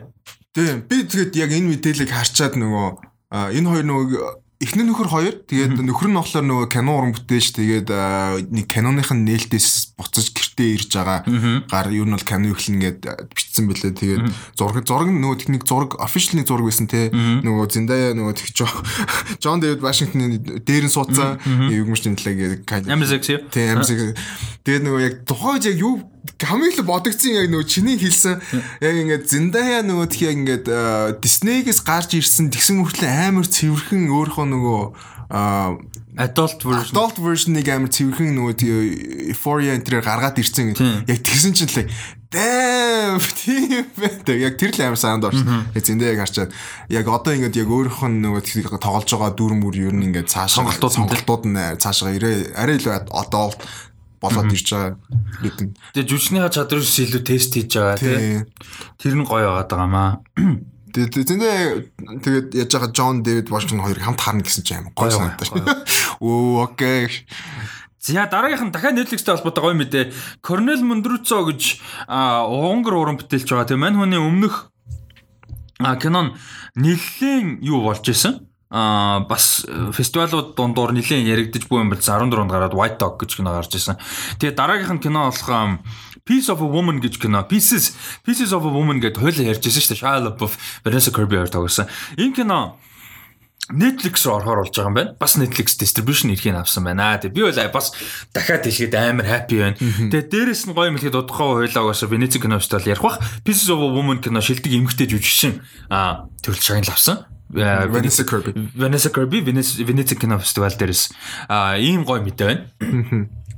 Тэгээ яаж гоё мэдээ байлээ. Тэгээд иймэрхүү кинод нэг Netflix тэгээд ингээд Netflix юу нь явж байгаа ш тэгээд яг ийм э, original нэг тийм найруулагчд нь яг ингээд артистик мэдрэмжээрээ хийсэн кинонуудыг ингээд бас гаргад гаргадаг болохоор юм гоё. Яг хоо илүү pop юм зөндөл байдаг л та. Гэтэ яг юм яг ингээд уран бүтээлчдийг дэмжиж ажилладаг нь амар гоё. Санагдаад идэв. Тэр яг Netflix-с босд нь бол нэг тийм ингэж харагддгүй те. За Amazon maybe. Amazon бас Manchester by the Sea мэйгээд те. Тэгээд Netflix 3 хамгийн дайж үнэж магадгүй. HBO ч яг хуу цуврал талдаа яг өөрсдийнхөө цувралаар байхгүй яг кино гэхээс илүү. Amazon бол тэгтээ дийлэхгүй байхгүй Netflix одоохондоо тэр тал дээр. Disney бол угаасаа Safe юм юм ойлгомжтой. Тэгээд Hulu угаасаа жижигхэн. Аа тэгээд эрэнгүү тэгээд Netflix тухайн нэг мем байсан. Бүгдээр нь гадуур хөгдөг мөртлөө байсаар байгаад байдаг болцсон гэх юм. Хинч тоодгүй гэхдээ байсаар байгаад ингээ мэддэг болцсон. Хөлтэй Хөлөг яг тэгчихсэн бүр ингээд хөлөөхөр бүгд мэднэ. Гэхдээ ингээд тоо хинч тоодгүй. Тэгтээ байж л. А тэгэд энэ Pieces of a Woman бүр ингээд амар triple одоо юу яаж байгаа юм л та чек хийж байгаа юм л та triple ингээд амар гоё одоо яг гоё хэлэх гэсэн чинь фейлтчлээ. Triple success маяг. Яасан бэ гэхээр за Венеци кино фестивалаас одоо ингээд том төрөлт нь өрсөлдөөд шилдэг эмгтэй жүжигчин аваад маш одоо ингээд өндөр үнэлгээтэй гарч ирж байгаа. Дээрээс нь Торонтогийн кино фестивалийн гала үзүрт нь одоо презентацийн хэсэгт нь орсон байгаа. Sorry, тэнцэн screening хийн. А тэгээд дээрэс нь Локарногийн кино фестивал бас гарч байгаа. Ингээ гурван зэрэг фестивал хэдхэн өдрийн зайтай шууд оролцож байгаа. Ийм амир гой амжилттай явж байгаа кино байна. Тэгээд Netflix дээр ямар ч байсан орхоор босон баяртай байна. А тэгээд дээрэс нь бас нэг Netflix-тэй холбоотой мэдээ байгаа маань Halle Berry-гийн анхны нөгөө нэг найруулсан кино байгаад байгаа шүү дээ. Bruce гэдэг хоёул ярьсан нөгөө нэг MMA тийм нөгөө тулаанч эмхтэйгийн тухай кино гэдэг. Тэр кино Netflix-тэй дийл хийцэн байна. Бас eight figure deal гэж байна. Halle Berry бас deal хийсэн гэж байна. Энэ бас айгу гоё мэдээ байна. Ийм а мэдээ Netflix-тэй холбоотой мэдээлэл байна. За тэгээд юу яа? Огснес юу яж юм л яг зүгээр л нэг хажууханд жижигхан 21 оноор Walking Dead юу хоёр байгаа юм л шүү. Kim Kardashian, Kim Kardashian гэдэг. Kim Kardashian ганцаараа биш л те. Keeping Up with the Kardashians хоёр байгаа юм л шүү. Тэр яг нөгөө зарлаг нөгөө дуусч байгаа гэж зарлагдсан үедэр битүү тийг харсан. Тэгээд давсан нь юу илж үлээ. Чи Keeping Up with the Kardashians шүү. Нэг ч үзэж байгаа. Би зүгээр нэг тийм scene харж исэн. Тэгээд тэрэн дээр нь Kanye Kendall Jenner-тэй хэрэлдээдсэн. Өө тэр нөгөө сценүүдээр нөгөө мим маягийн юм болгоцсон юмуд бол зөндөө харсан. Нөгөө мимнүүд бол яваад идэв. Тэр нөгөө Ким чин нэг дүүгээ зодоод идэг баха. Зодоод идэг аа. Тийм үү. Юугаар цүнхээрээ очиж зохиол идэв ш. Зодхон чааш юм дээ. Гэхдээ үгүй зодчихлаа юм л та. Гэтэ бид нар мим болгоо нэг бол амар үзий ядаад нэг бол амар guilty pleasure үзээд идэг. Гэтэ genuinely яг бизнес талаас нь судлал уулна хэрэгтэй байхгүй сонирхолтой байхгүй. Ер нь бол Крис Jenner бүр бүр амар бизнес woman байхгүй. Бүр Крис Jenner is a fucking genius заяа. Бүр амар. Тэг бодолтой таван охиноо тэгээ хүүгээ бүр эднэрийг ингэж маркет хийгээд Global name Тэгээ тавуулан ингэ хамгийн амар заяа. Тэгээд тэгээ өөрөө тэгээд бүр ингэ billion dollar industry босгочихж байгаа байхгүй. Тэгээ өөрийнх нь шоу босгох биш бисээ шүү дээ. Industry босгочихж байгаа. Keeping up with the Kardashians-аас цаашаага явсан reality show industry бүр амар нэмд байсан. Тэгээд би зүгээр санал болгоход нэг тийм cringe талаас нь харахгүйгээр зүгээр objectively одоо industry тэгээд хийсэн successтэй юу болсон гэдэг талаас нь харах талаас нь бас сонирхоор гэдэг үндсээс би Hollywood Reporter дээрээс амар том нийтлэл байгаа байхгүй 17 онд гарч ирсэн бүр. Би тэрийг санал болгомоор байна. The Kardashian Decade How a Sex Tape Led to a Billion Dollar Brand гэдэг. Энийг уншаарай гэж би зөвлөмөр нэлээд орц судалгаатай том нийтлэл. Тэгээ энийг нэг тийм нөгөө одоо доо ойлгох шүүмжлэх тийм талаас нь биш зүгээр genuinely суралцах талаас нь мэдээлэл авах талаас нь уншаасаа гэж бас би зоримоор байна. Зоримоор байна биш одоо юу ямар хуваалцмаар. Тэгэд иймэрхүү сонирхолтой байна. Тэгээ Walking Dead бол уул нь бас Golden Age TV-гийн том одоо төлөөллүүдийн нэг байсан шүү дээ. Ялангуяа аа юутай зэрэг одоо томоохон шоу гэж яригддаг Breaking Bad юу ярьдэ зэрэг Game of Thrones ярьдэ тий. Яг тухайн үед бол globally 3 том шоу байсан. Walking Dead, Breaking Bad, Game of Thrones 3 байсан. Аа тэгээд одоо бол сүүлийн хэдэн жилээр нэлээд нэр муутай болсон. Тэгээд дуусгаар болсон байлээ. Маш олон спин-офф юм бол ажиллаж байгаа юм байлээ гэхдээ. За Ийм байна. За дараа нь ярьж байгаа юм нь болохоор Торонтогийн кино фестивал байгаа. Тэгээ Торонтогийн олон улсын кино фестивал 9 сарын 10-нд ихэлсэн. Тэгээ 21-нд дуусна. Яг одоо үргэлжилж байгаа. Тэгээ сая ярьсан Pieces of a Woman бол а Торонтогийн кино фестивал дээр гарсан. Тэгээ дээрэс нь хиний а гала презентацийнуудад нь хиний тоглосон зааж гараа би нөгөө хиний Ted Winslet тийм нэг хоёул Saoirse Ronan. Ted Winslet Saoirse Ronan хоёртой Amber Knight гарч байгаа. Halle Berry-гийн Bruised гарна. Аа тэгээд Spike Lee-гийн American Utopia гэдэг шинэ кино гарна. Киногаар нээлттэй хийн гэж. Нээлттэй тийм фестивалийн нээлт бол хийцэн гэсэн үг. А тэгээд Chloe Zhao-гийн Nomadland. За Chloe Zhao-гийн Nomadland бол а Венеци кино фестивал дээр шилдэг кино а шагналыг бол авсан байгаа. За тэгээд жүжигчин Оскарын шагналт жүжигчин Regina King-ийн анхны найруулсан кино One Night in Miami гэдэг киноос нээлтэж. Энэ кино фестивал дээр бас Венец дээр нээлттэйсэн маш өндөр үнэлгээ авсан. Маш сонирхолтой одоо зохиолтой кино юм байлээ. А тэгээд дээрэс нь а саний ярьсан а Pieces of a Woman бас нээлттэй хийж байгаа. А тэгээд дээрэс нь бас анхаарал татж байгаа сонирхолтой кинонууд хэм бол юу байгаа. А хоёулаа ярьжсэн авши чи ярьлуу яалаа нөгөө нэг homemade биш үү? Нөгөө Netflix-ийн. Тий, тий, тий. Тэрэн дээр нэг амар weird кинонуудын нэг байсан шнэ Япон. Аа, тэрийг хийсэн найруулагч Наоми Кавасе гэдэг тэрний шинэ кино а Торонто дээр нээлттэй хийж байгаа юм байна. За дээрэс нь хиний а Виго Мортенсны бас анхны уран бүтээл. Оо нэрийг хоёлаа бас ярьжсэн шүү дээ. Юу лээ? Falling гэд. Тий, тий. Виго Мортенсны тэр киноос нээлттэй хийж байгаа иймэрхүү бас сонирхолтой юунууд байна. Торонто кино фестивалийн нээлттэй хийж байгаа кинонууд байна. А тэгээ би нөгөө хиний Яа гоё юу үзэх юмшиг. Анимашн үзэх юмшиг. Би нөгөө хиний нэрийг киноных нэрийг олох гээд бас яачлаа болдгоо. Аа Vanessa Kirby-гийн нөгөө кино бас фестивалуудаар яваад байгаа. Бас нэг гоё кино байгаа шүү дээ. Тэрийг нь бас нэрийг нь мартчихлаа. Тийм ийм кинонууд бол Торонто дээр нээлттэй хийх юм байна. Тэгээ дараа 7 хоног Торонтогийн кино фестивалаас бас ямар кинонууд ямар үнэлгээ авав, ямар кино ямар шагнал авав гэдгийг ярих боломжтой болох гэж бодож байна. Тэгээ нөгөө кино нь болохоор The World to Come гэх кино байгаа тийм. Catherine Watterson, Casey Affleck энтертэй сая Венец дээр нээлттэй хийсэн.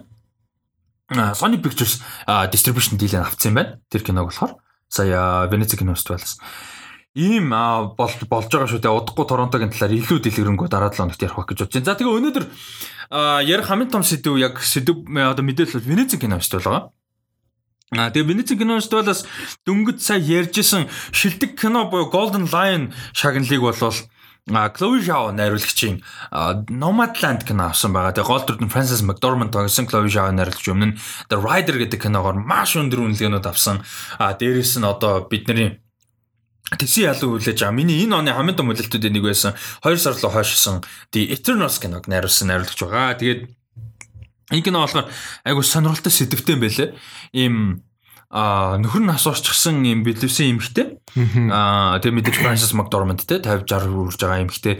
Тэгээд ер нь амьдрал нь жоохон lost болоод аа ерөөхдөө жоохон юм тэнүүчилж амьдарч байгаа тухай. Тэгээ тэнүүчлэн гэдэг ямар утгаараа гэхээр энэ Америкт байдаг бидний мэддэггүй одоо жишээ нь юу байдаг штэ. Living Live No Trace дээр бас гардаг те ингээд ийм юу амьдэрдэг юм нэг юм номад шиг амьдэрдэг RV-нууд байдаг шүү дээ. RV-нууд Монгол юу гэдэг юм нэг юм доторж амьдэрж болдог машин шиг юмнууд байдаг шүү дээ. Тийм RV би RV гэдэг шүү дээ. RV гэдэг. Тийм. Recreational vehicle. Тим юмд амьдэрж байгаа хүмүүсийн тоос гардаг. Тэгээ тэрэн шиг энэ дээр бас юм хөдөө ийм одоо трейлер гэж ярьдаг те. Бас чирэгч гэх юм уу та. Чи нэг тийм нэг юм юу гэдэг юм бэ гэж.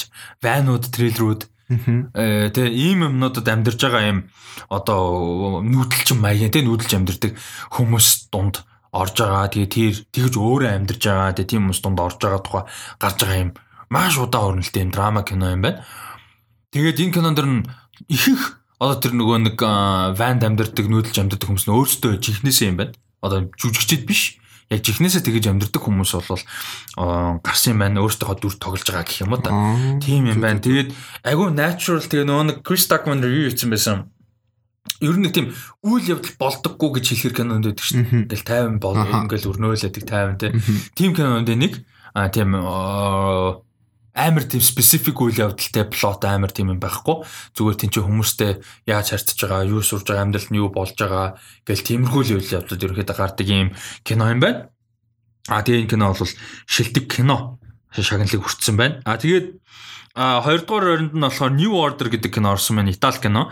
А Майкл Франко гэж хүний.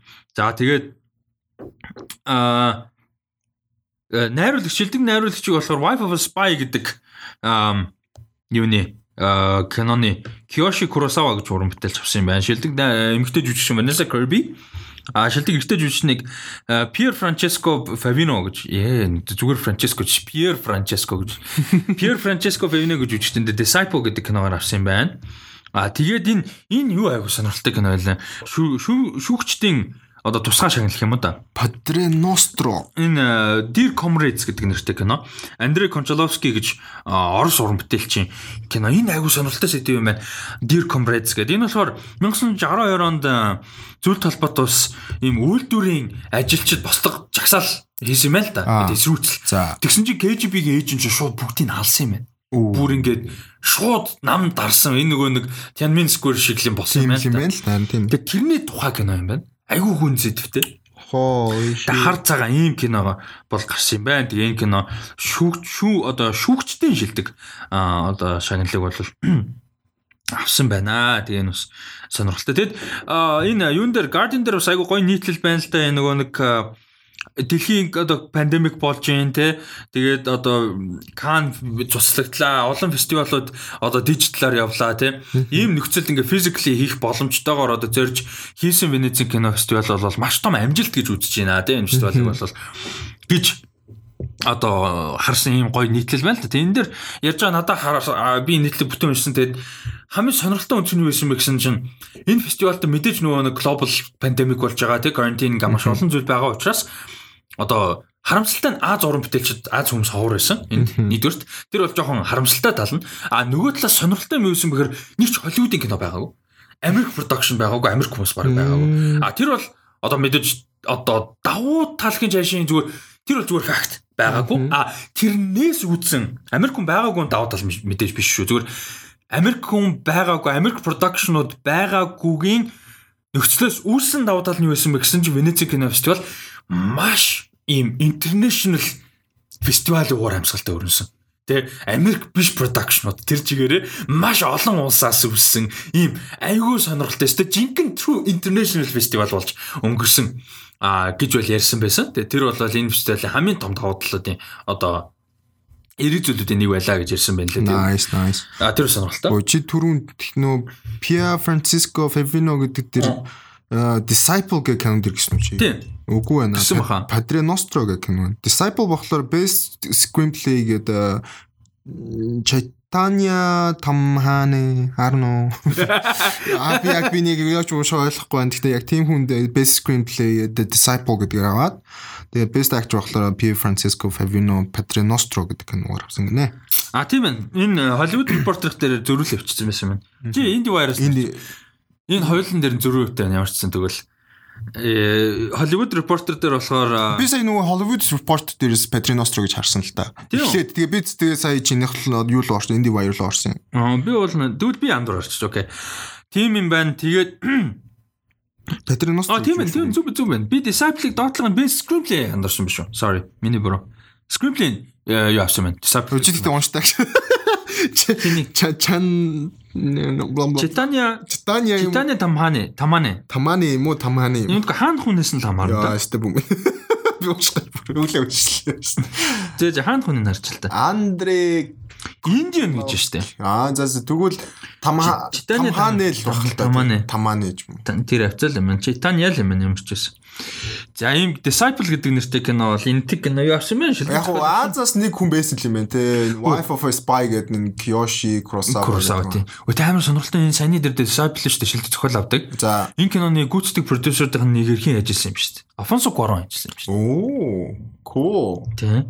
За тэгээд би нэг юм санал болгоход анхааруулах таа. 10 сарын 19-ноос 25-ны хооронд Улаанбаатар улсын кино фестивал болно. Кинонууд нь зарлагдаагүй байгаа, удахгүй зарлагдах бах.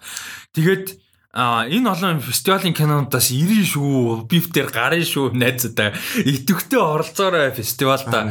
Зөндөө гоё кинонууд гарын шүү. Одоо өнгөрсөн жилүүдээс ярихад жишээ нь юу гарсан? Um baby teeth гарлаа birds of passage гарлаа um юу лето гарсан the obviously shoplifters parasite 2 гарсан тий зөвхөн сүүлийн 2 3 жил гэхэд штэ.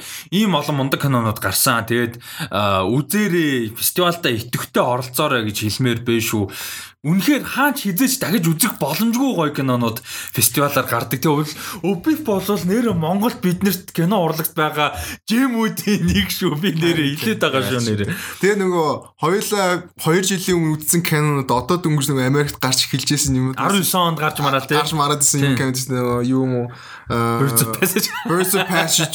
Тэр нөгөө too young to uh, too, too late to die young. Тэгээ нөхин нөгөө woman at war. Woman at war. Тэгээ тэр юу ч юм бас сая сүлд Америкт гарсан. Нилээ сүлд нөгөө нь хойлоо үздэг нөгөө тэрийг тоогоо.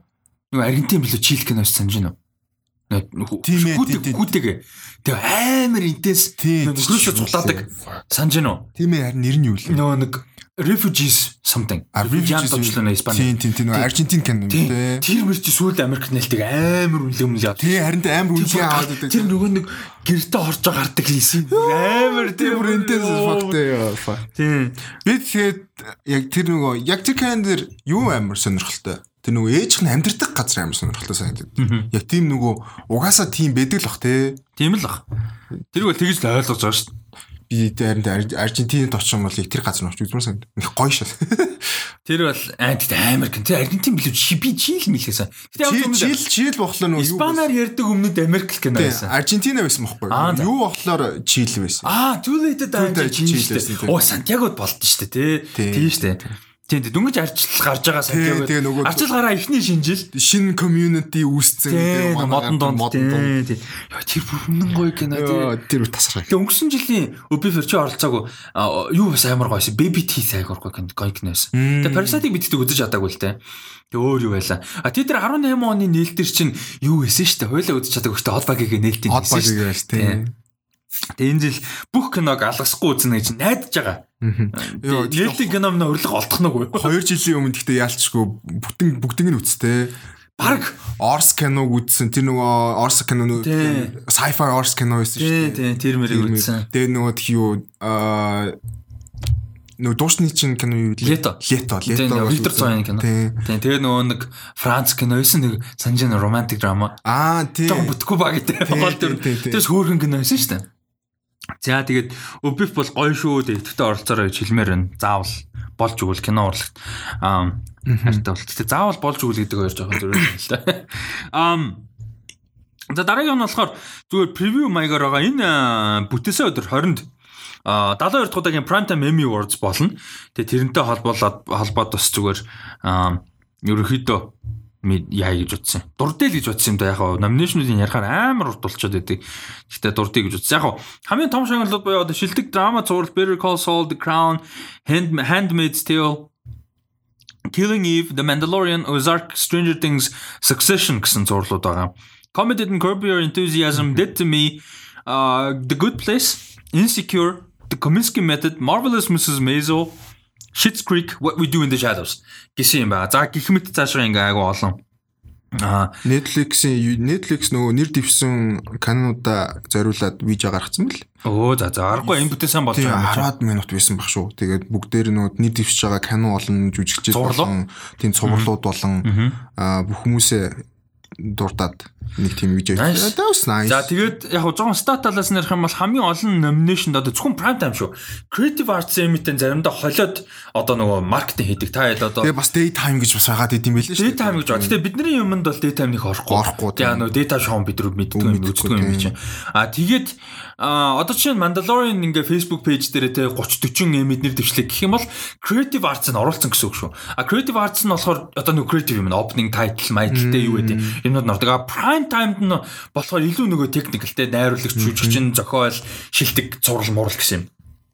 Ордог байгаа. За тэгээ prime time-д нь болохоор хамгийн олон номинашнэр дэвсэн Watchmen. Би одоо Watchmen-ыг өнгөрсөн жил бүр хамгийн амар хүлээсэн намрын гурван шоуны нэг байсан заяо. Нэг нь Watchmen үүд нь His Dark Materials дээр нөгөө The Mandalorian. Тэг нөгөөр нь үзсэн тэгсэн Watchmen одоо хүртэл би үзээгүй байгаа. Бүр одоо хүртэл бүр fucking hell би бүр амар сан. Тэг 11 номинашн те. Дараа нь Succession 10. Тэгээ Ozark 9, Marvelous Mrs. Maisel, Schitt's Creek 2 8, а The Crown Mrs. America 2 6, The Good Place Morning Show 2 5. За тэгээ босдон доошоо. Ийм бол байгаа. А тэгээд network-оор гэх юм бол Netflix 37 nomination, HBO 32, Hulu 14, хөөх юмтан те.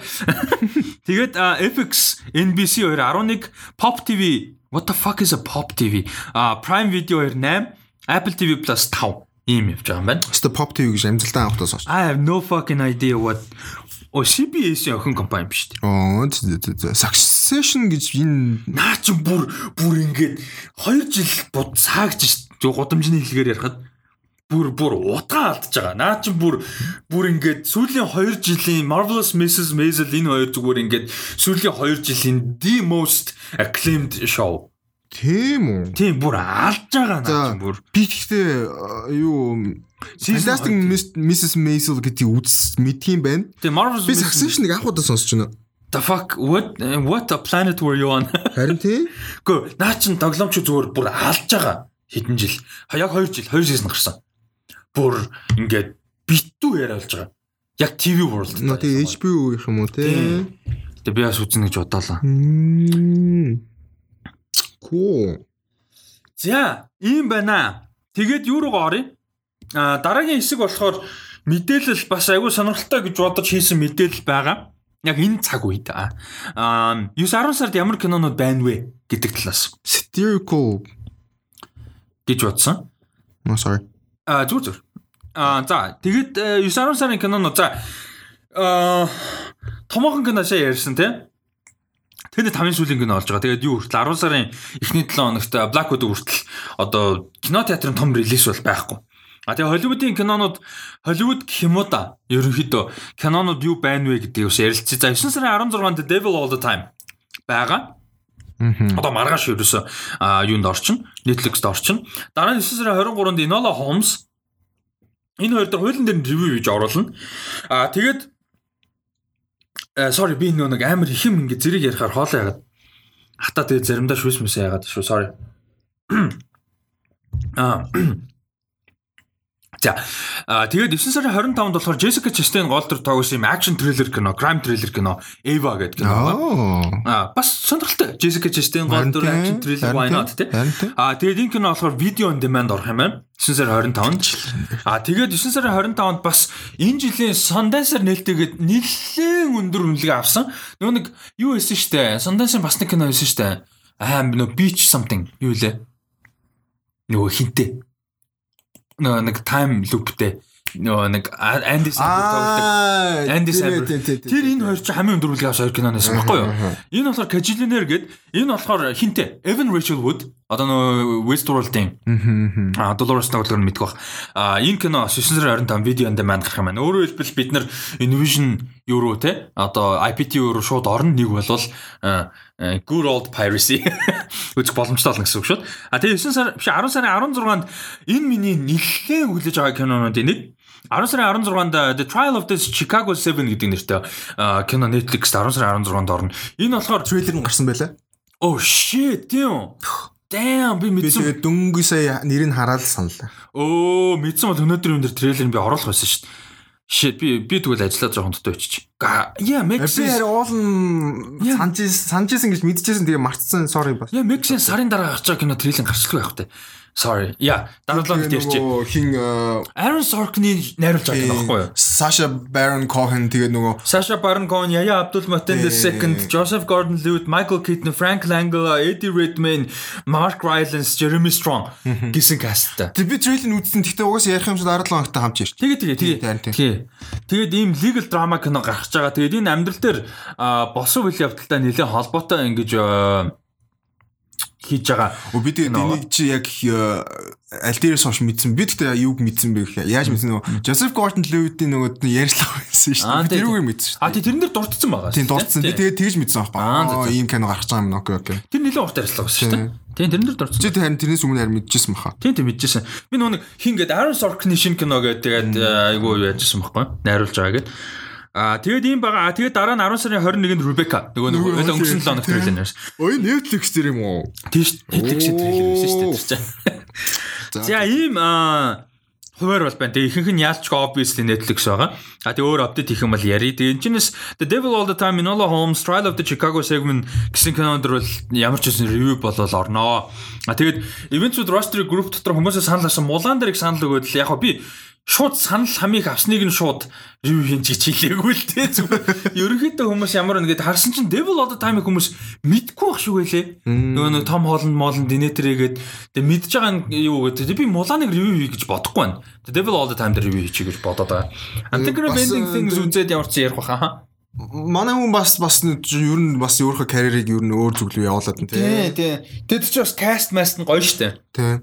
Тэр нөгөө юу Uncharted бас амар гоё болж байгаа юм шиг Бенлэ тэр өөрөө бас ярьслаа өгсөн. Тэр би нөгөө яа Том Том Hiddleston гэж байнг толгонд орж ирдэг байхгүй юу? Гэтэ биш байхгүй юу?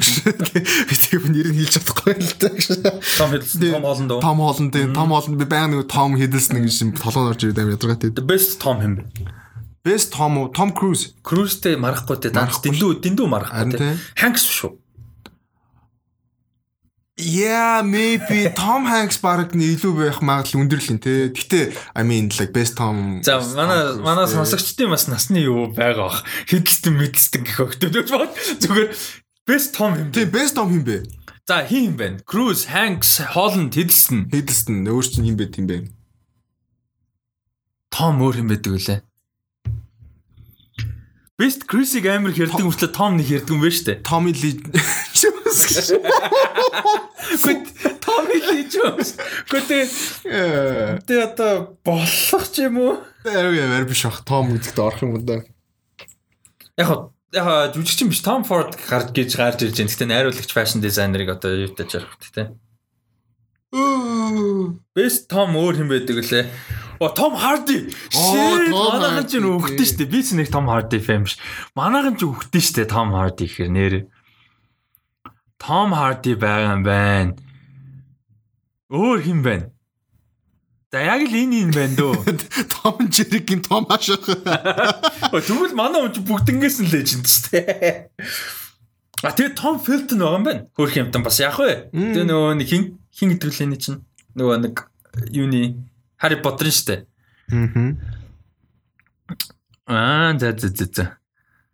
Ер нь хамгийн том хоёр нь тэгээд Tom Hanks юм уу Tom Cruise. Hanks, Cruise, Hiddleston, Holland тэгээд Hardy л юм байна. Тийм ээ.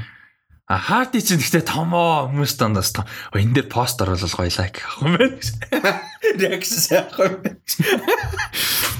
Э, За тэгээд тэрэн дээр боотог чиний best Chris нь Би хэлжсэн баха. Надад Chris Hemsworth амар таалагдчих. Нөгөө тхий илүү комедик, илүү гоё funny. аа тэгж ярьсан те. Гэтэ яг хаа Аа хоёлаа амар дэлгэрэнгүй ярьсан юм байна. Тийм ээ тийм ээ. Би яг Chris Evans-ыг сонгосон санагдаж. Evans яг нөгөө all rounder амар мундаг. Нөгөө сайн жүжигчэндээ илүү ингээд энэ тэр Pratt бол хол өвтөж байгаа маа өөр тэр гурван хартаас. Fine, Pine илүү жүжигчин те Pratt-аас. Тий, илүү. Яаж үгүй илүү илүү. Яг хоо Pratt бол popular л ах түүнээс биш бол хамаагүй юу те. За тийм Монгол кино айгуу сонирхолтой. За бид нар нөгөө Монгол киногоо ярихгүй бол нөгөө Монгол кино театрт 9 сард юу үзэх вэ гэдэг нэг асуудал шүү дээ те. Тий, нөгөө 10 сар жир нь кино байхгүй мэн Тий, 10 сард тий. Тий, Монгол кино нь байж байгаа. Тийм. Тэгэхээр болчихж байгаа. За тэгэхээр ийм байна. Монголд одоо тэнэт тодорхой хэмжээнд үргэлжлэж гарах. Гэхдээ ер нь Монгол гадаад кино ховор. За 10 сард Монгол кино 10 сарын 1-ээс single ladies 4, 10 сарын 9-нд одоохондоо кино алга. 10 сарын 16-наас төлөөс гэдэг нэртэй кино байна. 20-нд хэвтрийн хүн, хэвтрийн хүнийг би үзнэ гэж бодож байгаа. А энэ нэлээд удаан яригдж байгаа кино. 10 сарын 23-наас хадмын хайр, 10 сарын 30-наас тойрог зам гэдэг кинонууд. Би сая ийшээгээ алхаж байхад юун дээр э, гигантэн дээр гурван юу байлээ? Аа Постер постер байлээ. Нэг нь болохоор хар совдны нууц 2 гэдэг нэг энэдэн кино 2 дараа анги багш гэсэн. Тэгээд нэг Ихима гэдэг нэг кино байлээ. Тэрний постер надад амар таалагдсан. Их юм энэ 7 хоногт нээлттэй яж байгаа. Тий, Тэр постер нь амар кул харагдсан. Би гэхдээ ямар ч киног нь ойлгоогүй. Тэгээ дахиад нэг киноос би тэрийг мартчихсан шүү дээ. Тэгээд э, яг уу өчтөр нэг таньдаг хүний юун дээр story дээр Ихима гэх киноны талаар бичсэн л байсан л да туслах дүр нь э, ямар ч ойлгосон юм ойлгосон. Яг уу шүмжид явж л байлаа. Гэхдээ яг зүгээр алхаа явж байхад тэр пост нь бол looked really nice, really cool.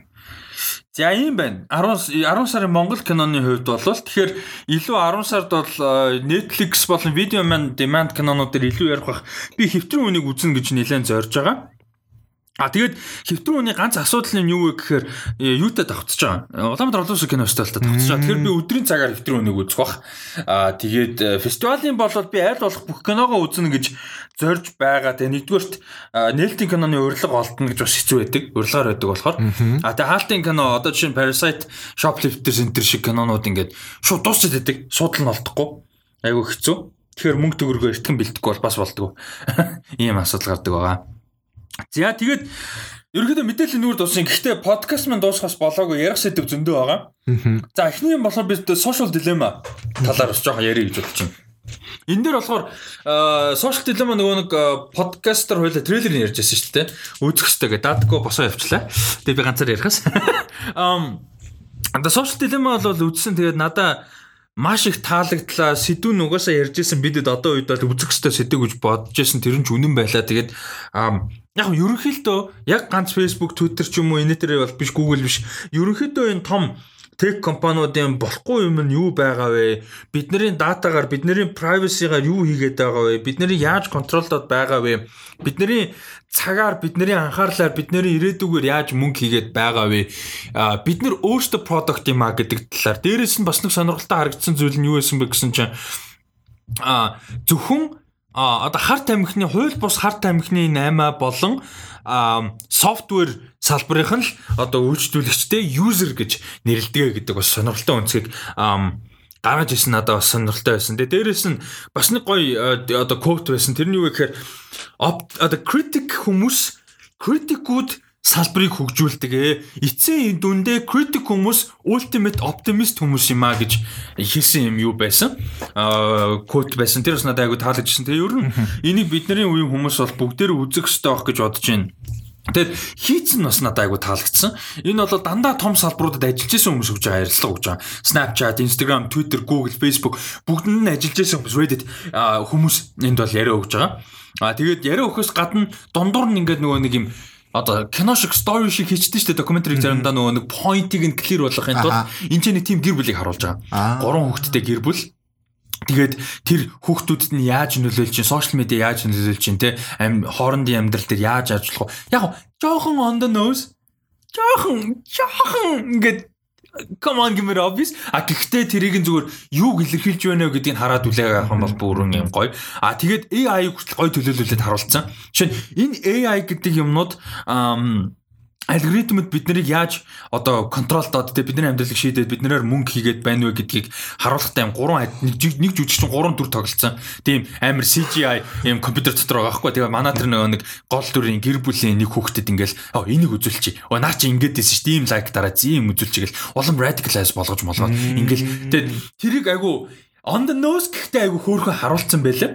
А тэгэхээр энийг ус үзэрэй гэж зөвлөмөр зөвлөмөр байна. Тэгээ энэс үүдээд ерөнхийдөө Аа би сошиал дилема үзэхээс өмнө бодож ирсэн нэг юм байсан байхгүй подкаст нэрээр ярих гэж утсан зүйл юу байсан бэхээр сошиал медиа дээр аа зөвхөн сошиал медиа дээр биш олон нийтийн нүдэн дээр аа за тэр нь шоу байж болж гин нэвтрүүлэг юу байдیں۔ те реалити шоу юу ч байдیں۔ аа подкаст төрөл орж байгаа шүү дээ техникл бид нар яаж өөрсдийгөө презент хийж байна бэ гэдэг аа сэдв би ярилцъя гэж бодож байсан байхгүй юу бид нар өөрсдөө ямар version-ыг яаж present хийж өгнө вэ? Амьдрал дээр яг нэг хүн гэж байхгүй бид нар өөр version байгаа шнэ нэг хүнтэй нэг өөр тэр хүнийхээ харилцаанаас хамаарат өөр. Гэхдээ ерөнхийдөө юм public нөхцөл байдал бид нар өөрсдөө яаж present хийж гэнэ тэрийг яагаад тэгж present хийж гэнэ Тэрийг яаж ашиглаж гин хүмүүст ямар айдиа зараад байна вэ гэсэн юм асуудалтай сэдв зөндөө байгаад байгаа байхгүй. Тэрийг ярилцъя гэж би бодож исэн. Тэгэд ялангуяа сошиал дилемма үзээ бүр тэрнтэй дилемма бол юм байсан. Тэгэд би яг нэг хүнийг ярих гэдэг нь л та жишээ болгож хин гэдгийг би хэлэхгүй. Тэгээ нэг хүн байна. Тэгээд яг миний ингээд одоо одоо олж ус мэддэг гэж ярил зөв таарах бах таньдаг гэхээс илүү. За ингээ мань хүн болохоор гэр бүл хүүхэдтэй ийм хүн байгаа тийм. А тэгээ олонний танил болж нилээ эхэлж байгаа. Одоо бол хүмүүсийн тэнд нилээ харж байгаа бах би хин гэдгийг ярихгүй. А ингээд ийм юм байгаа. А тэгээд тэгсэн чинь Instagram яг би зүгээр фоллоу хийдэг. Олон жил таньдаг ингээд ерөөхдөө таньдаг учраас.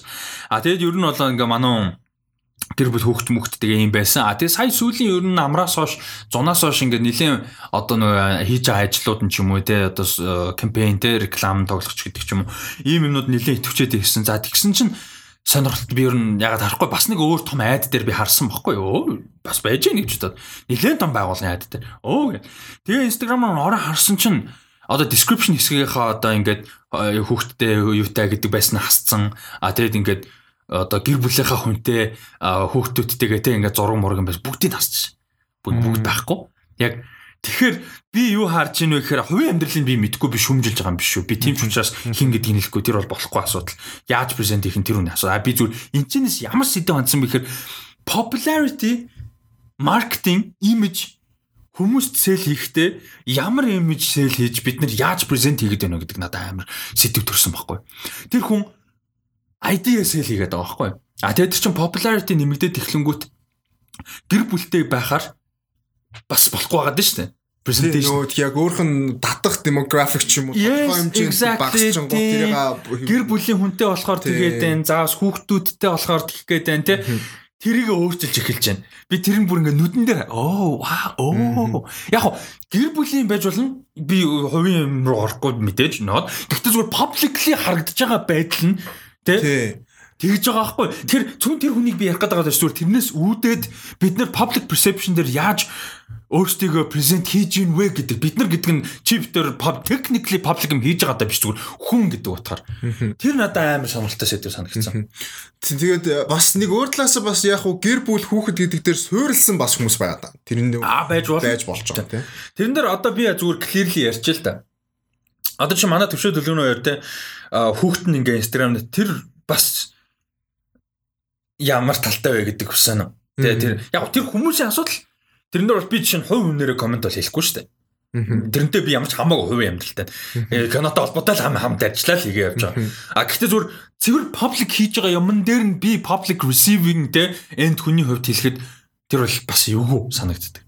Тэ тэгэхээр бид нар яаж презент хийж ийнвэ гэдэг амар чухал байгаа хгүй өөрсдөө болон. Тэгээ тэр надад амар би яг тэр инстаграмыг харчаал. Тийм тэгээд нөгөө яг хүмүүс тэгэж персент хийж байгаа. Гэхдээ тэр нь болохоор нэг тийм сошиал ертөнц гэдэг бүр ертөнц гэдэг юмдаа тийм болчихоо. Тэгээд яг хөө ихэнхдээ хүмүүс яг юу хардаг вэ гэхэлэр мэдээж наа захын тэр өөртөө шууд утгаараа холбогдож байгаа directly холбогдож байгаа тэр юмудаараа л жааж хийж байгаа харж байгаа энэ хүн юм байна гэж бодож байгаа. Тэгэхээр яг мэдээж амьдрал дээр яг тийм биш гэдэг нь зарим нэг тодорхой юм дээр бол тэгээд чинь зөвхөн сошиал медиа дээр харж байгаа юм биш шүү дээ. Тийм мэдээж. Тийм тийм болохоор яг персент хийж байгаа талаас ингээ харахад юм байдаг. Тэгээд амьдрал дээр нь харахад юм байдаг. Тийм болохоор яг хүмүүс яг тийм би юу нь л яг тэгж бодоод байгаа зү хүмүүс яг зөв фильтр хийж сураасай л гэж бодоод байдیں۔ Ямар нэг мэдээлэл, ямар нэг информашн ирэхэд тэрийг фильтрдээ сурчдаг. Тэгэх юм бол яг хөө зүгээр нэг юм амар хүн нөгөө хүнд ч амар бос хүмүүс ч амар зүгээр наад бол тийм сайн. Тэгээ надад тэгээд за хүн хүн яаж презент хийх нь бол одоо худлаа ярихгүй одоо тэг ингээд юм асуудалтай юм үүсэхгүй л байгаа бол яг хувь хүнээ яаж презент хийх нь бол мэдээж өөртөө асуудал. Би ч гэсэн яг үнэ хэлэхэд одоо кино цаг за одоо дахиад нэг шоу хийж ин тэ тодорхой хэмжээний Instagram follow игрээ гэж тэгдэг хүн тодорхой хэмжээнд реклам тоглож байгаа мэдээлэл юм заавал байх шаардлагагүй шүү дээ. Public байгаа бол тодорхой хэмжээнд би өөрийгөө презент хийж байгаа. Ямар нэг байдлаар хүссэн үсээгүй тэ А тэр тэрэн дээр амар анхаарал хандуулах шаардлага гарч иж байгаа хгүй. Яг ямараар би презент хийх хэвээр. Юу нь чухал вэ миний хувьд? Би хүмүүсээс олон нийтийн танилцаа танил танилгүй нь хамаагүй хоёрхан фолловертэй үний нэг нь би тэр фолловер нь байсан ч зүгээр яаж юу авч байгаа вэ? Юу нь болж байгаа надад санагддаг, юу нь болохгүйгаа санагддаг. Гэдгээсээ би өөрөө инфлюенс авч өөрөө тэнчнээсээ суралцаж өөрөө презент хийхдээ одоо э, тэрийг буцааж гарах ёстой байна гэж бодож байгаа юм л та. Тэгээд мэдээж personal life гэдэг чинь амар өөр асуудалтай тэр ямар хүн оролцох хэрэг байхгүй шүү дээ. Гэхдээ зүгээр ID зараад байгаа надаас таалагдахгүй байгаа байхгүй тодорхой хэмжээ. Тэгээ би саний дээр ярьсан үнийг хэлж байгаа юм биш. Одоо чинь бид нэр ярьж тэр эдэр одоо гэдэг хүн ID зараад байна. Тэгээ ингээд тэрнээс гадна айгүй олон хүмүүс, айгүй олон миний мэдгүй амар олон popular хүмүүс Монгол ID дандаа зараад байгаа байхгүй. Ингээл амар гоё, ингээл амар гоё ресторан, амар гоё кофе шоп, амар ийм газар ингэж чийлэрэл ийм юм мэдээл ингэж тэгэл financially capable байж болно гэхдээ тэр ID-гаа өгч яддаг ч юм уу те эсвэл ингээд ингэчгэл юм бол Монгол бодоо олгоно. Тэр нөгөө нэг эдрийн ямар санд амар том пост нэр чи боо юм шүү дээ камер аваад YouTube яаж чи баг байрны мөнгө чиж байгаа шиг. Тэгэд болохгүй байхгүй юу? Те тэгээ тийм болохоор юм ID зараад байгаа юм дээр л жоохон асуудалтай. Тэр нэг тийм realistic юмд ханддаг болосоо одоо чинь Монголч гэлтгүй гадаад хүмүүс таахтай бид нэр ярьж те болж өгвөл realistic goalтай realistic expectationтэй хүмүүс дагдаг болосоо ялангуяа бид нар яагаад бид нар энийг яриад байна гэдэг чинь дараагийн generation амар нөлөөлж байгаа. Twin гэж ярьдаг те. Нөгөө дөнгөж тийнейжер болж байгаа хүмүүс. Тэгээ тийнейжүүд. Тэд нар чинь амьдрал дээр байх боломжгүй beauty standardтэй. Тэ ингээд өсөлтөөд амьдрал дээр байх боломжгүй эдийн засаг мөнгөний тэ Монгол Lamborghini унж яваал like no one can do that literally Монголд Especially fucking Монгол хувцас мувцас гээл те. Тийм, хувцас гээл шинэ iPhone whatever те realistic байх хэрэгтэй байхгүй. Би энэ чинь энэ S2-ыг авахгүй ч те сард 150 мянган лизинг төлөх гэж гачин юм болж байна. Тэгээ ингээд realistic байх хэрэгтэй байхгүй бид нар. Тэгээ ингээд боломж хүсэл зориг мөрөөдөл тэгээд тэрэндээ тааруулах гэдэг зүйлүүдийг боломжийг ингэж бодит болгож ингэж буулгаж өгч яахгүй бол за хүн болгонд ихгүй. Угаасаа тэр фолловертай тэрэнд хандж байгаа хүмүүс угаад ихгүй. Тэгэхээр нөгөө рейтинг нь чинь янз бүр болчих хэлсэн шүү дээ. Хүүхдтэйгээ харагчаар болохгүй гадаг шүү дээ. Attraction татах гадаг шүү дээ. Фолловер татах гадаг. Тэгээ тэрэн зүрлээ мөнгө болох гадаг. Гэр бүлд нь буцаад. А тэгэхээр яг ч төвхөр хандж байгаа хүмүүс бид нэр өөрсдөө амар зөв хандах шаардлагатай болж байгаа тодорхой хэмжээнд. А хүмүүст хандж байгаа хүмүүс бас өөрсдөө зөв хандах хэрэгтэй. А тэгээ зөрүүлээд тэгэхээр responsibility гэдэг зүйл амар том болж эхэлж байна. Энэ шинэ нийгэмд энэ ингээм амар шин юм байгаад байна шүү дээ. Бидний өмнөх үеийнхээ ойлгохчгүй яг энэ сэдвийг бол тэ иймэрхүү асуудал бол байгаад байна. Тэгээ нөгөө яг responsibility гэдэг дээр би яг яг тэрийг би гэхдээ яг миний бодож байгаа зөв үгүй гэдгийг бол мэдж мэдгүй. Гэхдээ яг би өөрөө бол байр суурин дээр баттай бол зогсоход бол зогсно. Гэхдээ зарим нэг талаар хүмүүс болгоо нөгөө нийгэмд болж байгаа юм дээр тийм одоо өөрийн гэсэн үзэл бодолтой. Тэрийгээ бас ярьж яхах зөв юм болов гэж бодоод байдаг байхгүй юу? Тийм мэдээж. Тэгэхгүйгээр одоо жишээ нь инфлюенсер л гэдэг хүмүүс мэдээж тодорхой хэмжээнд тэрийг ер нь бол дарддаг. Яг л өөрийн үзэл бодлыг илэрхийлснээр бас тодорхой хэмжээнд зарим нэг демографик алдах гад гэдэг нэг тийм тал байдаг. Мэдээж байгаа. Тэгин тэгин. Тэгээд нөгөө бас үзэгчтэй алдахгүй гэдэг талаасаа бас тийм нэг юм үзэл бодлоо илэрхийлдэггүй ч юм уу тий. Тийм талууд надад таалагддаг. Тэр тал дээр би зүгээр илүү responsibility үүрэх ёстой болоо гэж бодоод байгаа байхгүй. Одоо жишээ мэдээж teenager те илүү ингээд насанд хүрж байгаа ч юм уу нэг бол одоо өсвөр насны дээр явж байгаа хүүхдүүдэд тодорхой хэмжээ зөв ойлголт өгч явах ёстой. Тэгээд тэгээд бүх юм фан ч юм уу бүх юм positive бүх юмыг сайн талаас нь биш яг юу болж ин юу болохгүй байна гэдгийг ингээ баттай сууртаагаар нь факттай ингээ бас хүргэж яхах зүг юм болов боддоор нь хүргэж яхсан зүг юм болов гэж боддог байхгүй. Харин тэгж чадахгүй тэнцээрээ зүгээр фейлдэд байгаа юм шиг санагдаад байна одоогоор бол.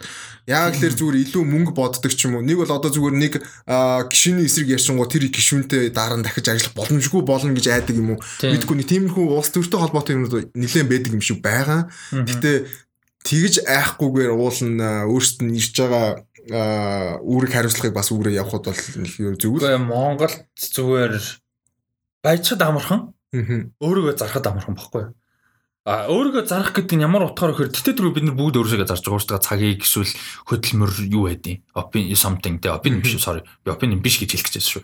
Өөр юм зарж байгаа. Хэдэж зарахгүй юм opinion perspective тэ. Тэрийгэ зарж болох. Тэр нь л асуудал нөхгүй. Тэгэхэд тэрэн дээр хамгийн амар юм нь юу гэж конфликт гоогаад байхгүй тэр хүмүүс opinion perspective зархад ямар ч конфликтгүй шууд зарж байгаа байхгүй. Тэрийг үнэлэхгүй нүсв. Өөрөө өөрийгөө үнэлдэггүй гэсэн үг байхгүй. Одоо гудамжны хараалаар хэлэхэд яадчихж байгаа байхгүй шууд өөрсдөө. Тий, тий. Муугаар хэлээд opinion perspective зарах чинь. А хөдөлмөр цагаа тэртээ дөрвөө бид нэр ямар нэг байдлаар зарж байгаа. Тэр компанид ажилтдаг байна уу? юу ямаагүй something хийж тэтэ тэрөө зарж байгаа. А гэхдээ opinion perspective тэрийгэ зарна гэдэг чинь амар асуудалтай болж байгаа. Зард бүр дараад тэргээрээ ингээд те Тэр бол зүгээр ингээ money bitch болчихж байгаа. Харин тийм exactly. Харин тийм. Тийм болохоор тэр нь бол надад хамгийн том нөгөө одоо failed ч байгаа зүйл гэж би бодоод л тийм. Яг уу мэдээж хүн болгон биш л дээ. Obviously угаасаа зөв хүмүүс нь ч байгаа. Гоё мэдээ мэдээл хүргэдэг хүмүүс нь ч байгаа. Тийм тэгээд тэг юу зарж байгаа нь амар clear байх хэвээр. Би одоо чинь би түрүүний хүнийг нөгөө нэг ингээд жоохон сэдв жишээ авч ярьсан мөртлөө дараа нь холдуулах гэдэг чинь жишээ нь тэр хүн худлаа ID зарж байгаа юм бол байхгүй байхгүй. Зарж байгаа юм амар clear. Одоо тэр тэ public юугаар өгж байгаа ID зарж байгаа юм амар clear байхгүй. Худлаа юм биш. Тэгэхээр тэр чинь буруу биш зүгээр л би сэдв хүнсэн нь л тэр. Oh shit нэр ингэж ингэх юм байна те ингэж байгаа юм байна да гэсэн л хандлага байсан байхгүй. Тийм тэгээд Монгол Гэхдээ ер нь дэлхийд даяараа наад асуудал чинь байгаад би гэхдээ яг наадан дээр чинь ингэж бодоод байгаа.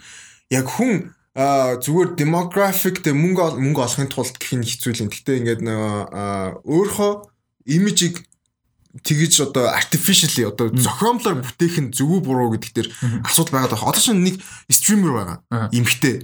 Тэгээд нэг асуудал төсч. За яхаа өөрөх нь нэг буруу юмнууд байгаад байгаа. Тэрийг хүлэмжшэрж байгаа. Гэхдээ ингээд simp гэд нэг тийм томьёол яваад байна. Simp гэд нь болохоор нэг эмхтэй ч юм уу эрэгтэй зүгээр нэг тийм одоо kind of celebrity ингээд дагдаг. Ер нь бол ингээд баг дурлцсан. Тэгээ simp гэд нэг тийм ер нь эрэгтэйчүүд комментри ар сууж байдаг. Тэгэл аа яадаг чинь банг нөгөө хөөхөн болохоор банг тэр хүн дуртай ингээ мөнгө өгдөг юу гэдэг юм something something.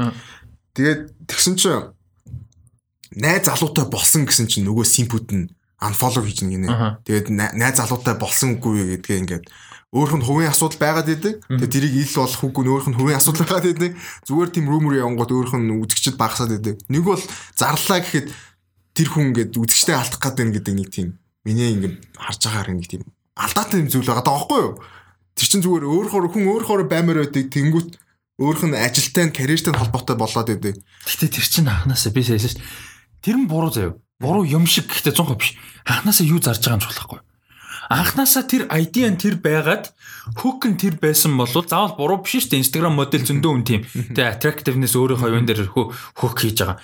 Тэр нь анханасаа hook нь болвол би тэр нэг амар мэдрэл муутай интернетийн компьютер ард байдаг creepy эрэгтэй хүмүүс зүг гэж байгаа ерөөсөө биш шүү. Зүгээр би цэвэр нөгөө модел талаас нь ярьж байгаа шүү. Бизнес модел. Тэгээ бизнес модел талаас нь ярьж байгаа шүү. Тийм хүмүүс яаж утсан зү биш. Бизнес модел талаас нь сэл хийж байгаа үндсэн юм тэр болоод тэр сэл хийж байгаа юм нь байхгүй болчингууд одоо follower нь technical номер талаас одоо selling business model унгах нь арга байхгүй. А түүнээс ч тэр creep хүмүүс чинь шал өөр асуудал шүү. Тийм. Тийм тэгээд тэрэн дээрээс яг нөгөө одоо Twitch Twitch юм уу юу гэдэг нь тийш Twitch хамгийн том streaming service-уудын нэг шүү дээ. Одоо амар том нэрүүд хамт ажилладаг Shroud Ninja юу гэдэг нь те. Тэнгүүд тэр YouTube болон тэр стримеруудын хооронд амар том асуудал үүссэн баггүй юу? Яа тэр охноос болоод ер нь бол хүмүүс миний ярьж байгаа хүнийг мэдчихэж магадгүй, үгүйчж магадгүй. Гэхдээ яг юу болсон бэ гэсэн creativity гэж юу вэ гэдэг дээр асуудал үүссэн баггүй. Одоо чинь тэр хүн болохоор өөрийнхөө beauty-г зараад байна шүү дээ. Ер нь бол тодорхой хэмжээнд. Тэгээд ирэнгүүт наа чин creativity-тэй ямар ч холбоогүй тийм. Чи зүгээр зарж байгаа юм чинь гэд эхэлж байгаа байхгүй юу? Одоо жишээ зүгээр стрим хийж байхдаа чи зүгээр нэг хүний видеог үзээд хоол идээ сууж байгаа. Наа чи creativity бол биш. Тэгээ чи зүгээр тоглоом тоглоо сууж байгаа чи наа чи creativity бол биш гэдэг байгаа байхгүй юу? Гэхдээ мэдээж тийм чи хөтөлбөр нь гарч байгаа мэдээж өөрийнхөө цаг цаавыг зарцуулж байгаа одоо ядарч байгаа шүү дээ хүүхэн амт те. Тэгээд тэрэн дээр зүгээр content creation, creativity гэж юу вэ гэдэг асуудал үүссэн баггүй юу. Тэгээд сая YouTube, Twitch хоёр ч хоорондоо нэлээд алдслаа шүү дээ. Тэр охидосоо ер нь бол аа бас тэгш юм үү те. Нэг тийм болсон. Яг хуу YouTube болохоор амар том платформ дээр олон юм байдаг. Юу болсон бэ гэхээр YouTube дээр стримеруудын бичлэгийг нь тэр стрим хийж байгаа бичлэгийг нь аваад өөрсдийнхөө channel дээр оруулцдаг байхгүй юу. Ер нь бол ямар ч commentary энэ төр ер нь байхгүй зүгээр л нөгөө одоо тэр чин стрим чи одоо баг 10 хэдэн цаг үргэлжлэж байгаа лайв явж байгаа. Зүгээр тэнцэнээс нь зүгээр хайлайтууд нь аваад нийлүүлээд ингээд тавьчихдаг. Тэгээд нөгөө YouTube дээр болохоор хүмүүс тэрийг нь view 8 их ч юм уу одоо subscribe subscribe энэ хийдэг.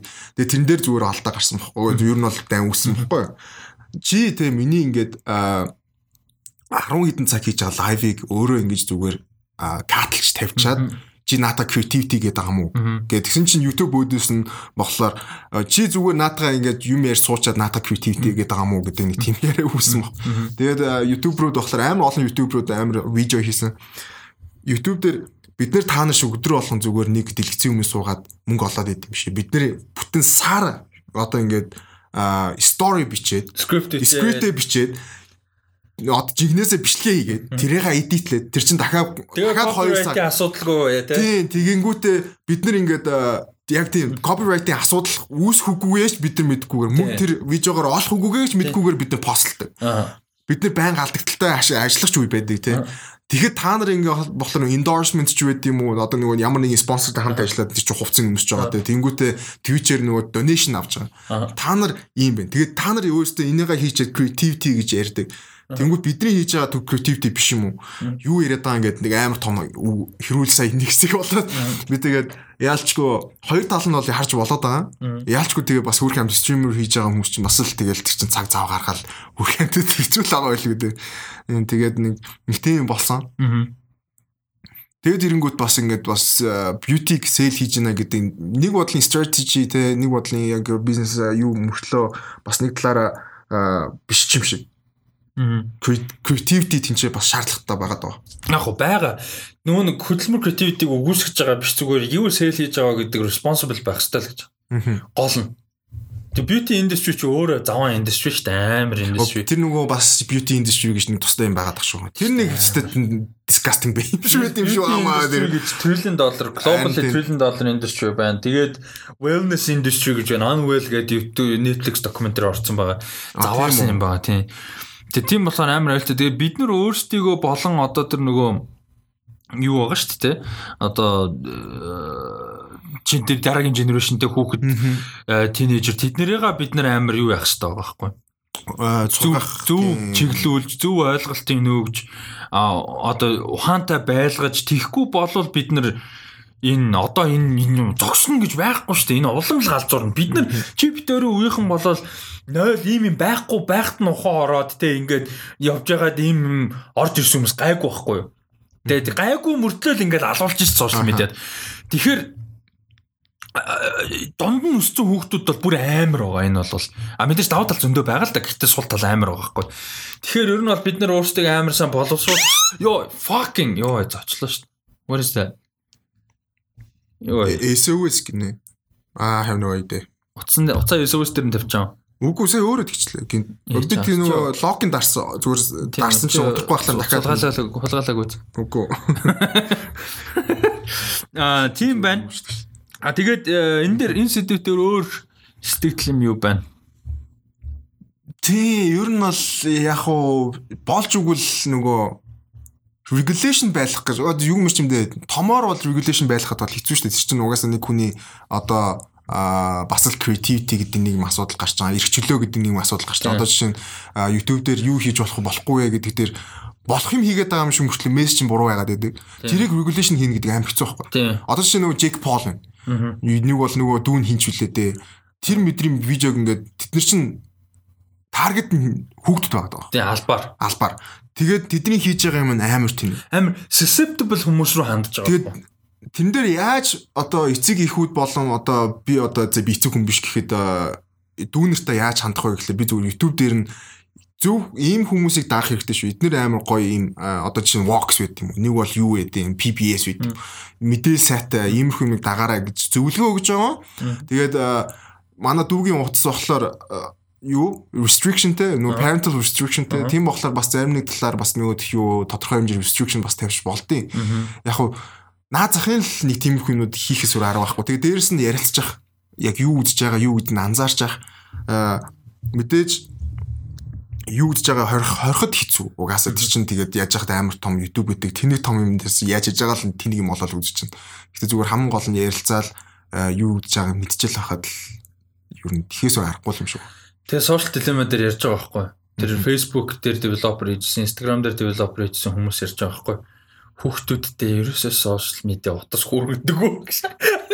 Харин тийм баг л ерөөсөө манай гэрт бол тэр зүгээр ингээ хууль бүр ингээ тийм гэдэг жаах. Тэгээд сошиал медиаг бол ядаж 18-тай 16-тай ч юм уу яаж эхлэх хэвээр дор хаяж. Тэгэхгүй бол preteen хүүхдүүд, twin хүүхдүүдийг бүр ингээд тэгсэн чинь сая бүр ингээд Америкийн twin одоо 11 2-оос тэ 13 4 хүртэлх насны одоо охтуудын амиа хорлолт тэгээд self violence тэ өөр өвтгөх янз бүртэй тим юмнууд ингээд 10 11 оноос бүр ингээд skyrocket хийсэн заяа бүр зарим насан дээр нь зарим дээр нь бүр ингээд 300 хэдэн юм байв заяа. Тэгээ тэрс цэвэр сошиал медиад холбоотой байхгүй. Ягаад гэсэн чинь яг 10 11 оны үеэс нөгөө гар утас сошиал медиаар маш илбэгтэй ингээд энгийн хэрэглээ болж эхэлсэн. Би нөгөө 8th grade үзег байхгүй. Тэр тэрнтэй холбоотой.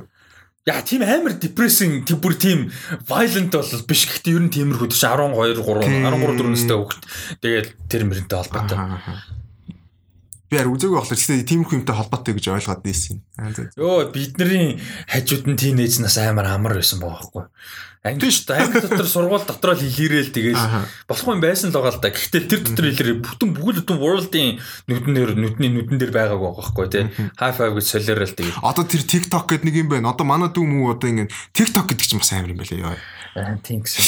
Йоо бүр ингээд тэр гариг руу ойртохгүй байгаа бүр ингэ. Би бол хийж ойртохгүй. Тэр ингээ бүр өөр гариг. Тэр бол угаасаа тэр нэг одоо бидний дараагийн генерашны нэг том зүйлүүдийн нэг юм шиг. Одоо нэг wine zine гэл тухайд байдаг гэсэн шүү дээ. Би харин wine-аас ягаад өөр юм гэдгийг ойлгохгүй л байна. Гэхдээ мэдхгүй. Ойлгохыг хичээхгүй байгаа. За тэгээд асуултууд руу оръё. За тий. Таргалалт л байна гинэ асуудал. Энэ асуудлыг яаж шийдэх вэ гэж мэдэхгүй байна. Өөрөөсөө тийм асуудал хүмүүс. Би нэг юм хэлэхгүй 25 хүн хөшөрд юм ба шүү дээ. Physiologically шүү, сэтгэл зүй биш. Ер нь бол тийм, physiologically зэ сэтгэл зүй талаасаа биш. Тоглоомчгүй нойр дийлхий байлт юм байна. Би янгиндаг болт юм байна те. Ингээд зүгээр тийм амар зовоод ах юм алгалт ажил юм хийгээ ингээд явж гин. Гэхдээ зүгээр ингээд тийм жижигхэн юмн дээр зүгээр мэдддэг тоглоомчгүй. Нэг өдөр нойргүй окей файн явчлаа. Маргааш нь бүр ингээд бүр бүр үхэх гээд байдаг болчтой юм шүү дээ. А тэгэхээр яадгүй гэхээр бид нэр exercise хийх хэрэгтэй байна. Ерөөсөө тэр эрүүл хооллын exercise хий. Ерөөсөө тэгэл. Тийм, ер нь бол баг эрүүл хоол нэгт тэгээд exercise юм шиг байна. Гэхдээ яг хоолыг зохицуулна гэдэг, насаараа зохицуулна гэдэг нэг тийм лайфстайл болох хэвээр. Ер нь бүх юмыг лайфстайл болох хэвээр. Хамгийн хэцүү юм юу гэж эрүүл хооллох хөдөлгөөнтэй байх тасал их юу шаарддаг гэж цаг мөнгө. Тийм, мөнгө, цаг тийм, ер нь бол тийм. Тэгээд цаг мөнгө олохын тулд яг үхээр хасалтна. Хасалтна тийм. Тэгээ Монголд ялангуяа. Тэгэхээр юу байхгүй болох вэ? Эрүүл хоолд цаг байхгүй болж байгаа байхгүй. Ойрд өөрсдийгөө яаж хөгжүүлж байна? Хэр physical active хүмүүс вэ гэнэ. За. Oh my god. Би бол уулын амар physically active хүн байсан. Тэгээ амар гэдэг нь зөв хөлмөд тоглолдог, байнгын тоглолдог. Тэгээд нэг үед гондоогоор бэлтгэл хийж лээсэн. Тэгээ би ер нь physically амар active хүн байсан юм бэлээ шүү дээ. Адулт болтлоо. 22 бай хүртлээ. Тэгээд нөгөө бойл нуруу гимтээд тэгээд тэрнээс бас залхуураад бас инээтрээгээд тэгээ ер нь хөдөлгөөн нь болцсон чинь амар айгүй олон юм байна. Нэгдүгээр таргалж байгаа. За окей таргалалтаас гадна яасан бэ гэхээр mobility гэдэг зүйл амар муулц. Хөдөлгөөний ивсэл ингээ дээш доош хараахтай нааш цаашаа явах тийм байж та хүнд чинь. Тийм амар муу болж байгаа mobility. А тэгээд дээрэс нь тэрнээс илүү том асуудал яаж ийн гэсэн чинь сүүл тухаарч сүүлийн нэг жил мэл ухаарч ам сэтгэл зүйр юм амар нөлөөлт юм байна. Хөдөлгөөнгөө болох ч. За анханасаа хөдөлгөөн багтаа байсан юм мэдгүй байна. Гэхдээ би бол хөдөлгөөнтэй байсан болоод болсон хугацаанаас эргээд харангуут happiness level амар унтсан. Тэ stress level хамаагүй их болцсон. Тэр нөгөө нэг тестостероноос гадна тэр амар олон стресс гормонуудаа гаргадаг те тэр юм байх болцсон байгаа хгүй. Тэг чи хадгалаад байна гэсэн үг шүү дээ. Тэг хөдөлгөөнөөр хамаг гаргадаг байсан тэр талбай дээр орин чирүүл хийдэг байсан юм байна. Байх болчихсон. Тэгвэл тийм байсан юм нэг амар олон юм эргээд ухаарсан. Тэг ер нь бол би өн өвөлдөө гэртээ нэлээд physical activity тогтооно гэж зорж байгаа намраас аа тэгээд дараа авар гэхэд би бол яг яг хөл мгөл тогломоор болол өвөл бас заалан төлөв тогломоор байна. Тэгэд хайртай учраас зүгээр ингээд фитнес жимд явж болно л да мөнгө нь байлгаа явуулаа гэхэд би өөрөө naturally дуртай хүн биш учраас хайчаад идэг ингээд төмөрдөө ноцолдох би ямар ч naturally хүсэл байдгүй. Тэгээ жимд явахаар би юу гэдэг гэхээр гүйчдэг. Адуу маш гүгээл энэ. Тэгж тэгж чаа сонголт игээд дуусчихсан тэр чин жим төлж байгаа төлбөр чи илүү байгаа шүү гэртээ дам аваа тавьсан дээр байгаа байхгүй Тэгэж бодоод тэг хавраас юм уу болол хэрвээ өвөл заалан хүмүүс тоглол тоглоно гэж бодож байгаа. Ямар ч байсан нэг 40 хүртлээ 44 5 хүртлээ хөлбөмбөө тоглоё гэж бодож буцаад би одоо хэдэн жил хайчлаа шүү дээ. Ямар амар хайртай спорт мэн лээ те. Тинчэнс ямар амар гой кайф авдаг.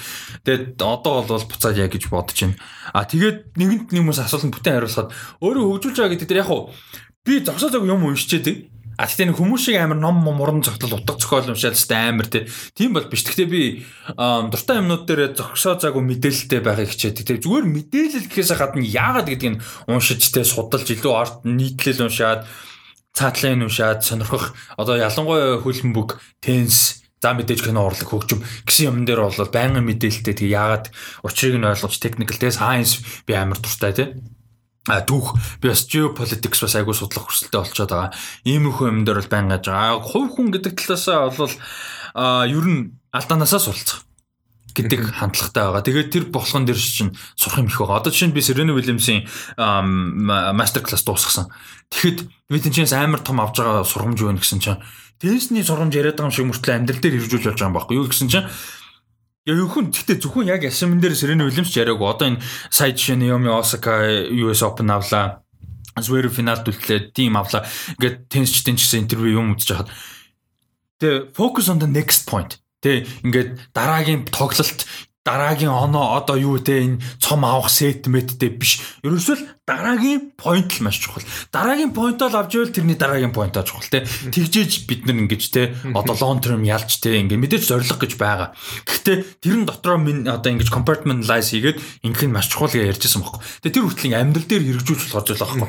Жишээ нь би ингээл а fucking the athletic-ийн 500 article уншина гэл толгой эргээл ингэж хахаар нэг артиклал уншаалж байгаа. Уншаал мэдээлэл шин уншдаа би кайфтай байгаад байгаа шүү дээ. Тэгхгүйгээр ингэ сэвлээд байгаа хгүй.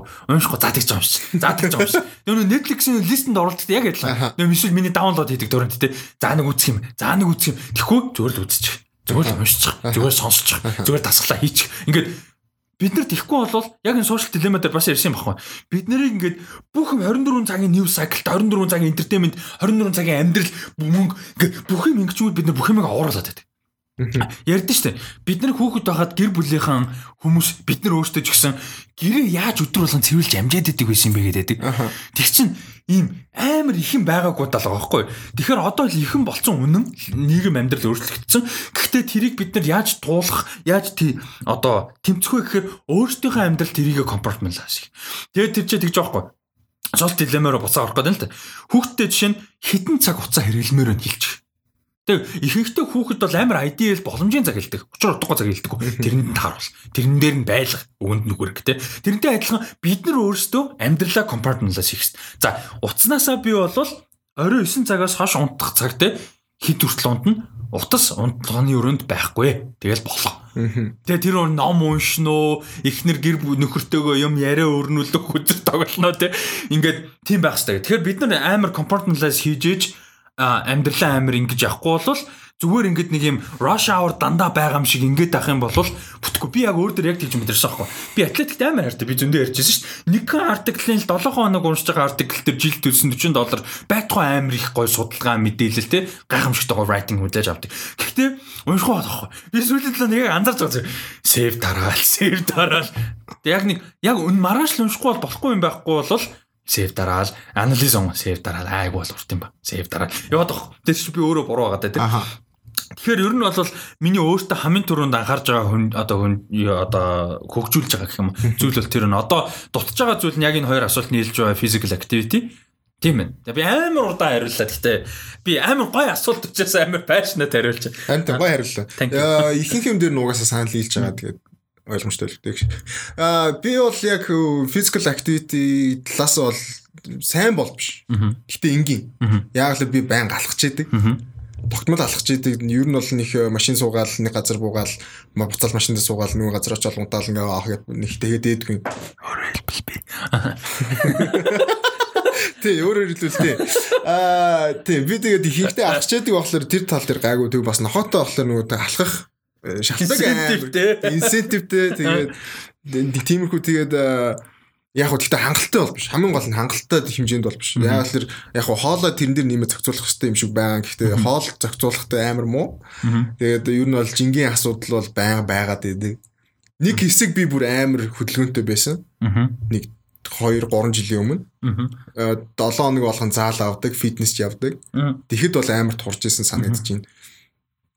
Тэгээ би амьдралд би насаараа юу нь бол жинтэй байгаа байхгүй юу. Тэгээ амьдралтаа ганц удаа л хурж үзсэн. Тэр нь яг хөдөлгөнтэй болж үзэл яг хоолой зохицуулж үзэхэд л нэг тийм болж ирсэн санагдаж байна. Тэгээд одоо тэгээ буцаад тийм болно гэдэг дээр яг чухал бол биш нөгөө habit илүү лайфстайл болох гэж хичээж байгаа. Аа сая нэг хэсэг шүүн унтахгүй өдөржингөө унтаал нэг тиймэрхүү байсан. Одооноос яг тэр бол нөгөө өөргөө хөгжүүлж байгаа талаасаа л баг илүү өглөө болоод зуршилтай болж байгаа. Өглөө босдог, цагтаа босдог, нохоогоо өглөө яг золттой гаргацдаг. Тэгээд өглөөний цай золтоо уушдаг тийм. Яг тийм өглөөний одоо бол habit зуршилыг бол ихлүүлээд баг сар болж байна уу. Тэгээ гайгүй явж байгаа. Тэгээд одоо утахгүй тэгээд э, бас хажуу талаар нь IELTS центр бэлтэн гэдэг нэг тийм хүмүүс орж ирнэ. Тэгэхээр тэр нэг өдрийн нэг юу болох вэ? Habit бас нэг тийм ажил хийх. Би бас нөгөө юу амар муутай төвлөрч чаддгүй. Бараг ADHD-тэй ч гэж магадгүй. Би нөгөө амар тийм сатаардаг. Тэгээд хүн Яа. том хүн дөө. тийм 90 минут ер нь бол төвлөрөх чадамжтай байдаг гинэ. Тэгээд нэг 20 минут амраад 90 минут ажиллаад ч. Чи тэр созор сууж хайрш минут. Тийм. Тэгэхээр би нэг 90 минуттай нэг өдөртөө нэг фокус хийгээ сурчмаар байгаа байхгүй. Би тэгэхгүй тэгээ нөгөө байнга нөгөө сатарж идэг нөгөө сошиал медиа байнга ухаж идэг тэгээд тийм асуудалтай. Тэгээд э, тэрийгээ бас болох гэж амин хичээж байгаа. Аа мэдээж ном бол ер нь бол тогтмол уншиж идэв. Ихтэй ихэнхдээ яг factful ч юм уу те хэрэгтэй гэхэд хэцүү би яг л нөгөө ихтэй нөгөө уран зохиол фэнтези ном уншиж идэг болохоор. Тэгээ фикшн гоё шүү дээ. Тэгээ фикшн их их их уншдаг болохоор.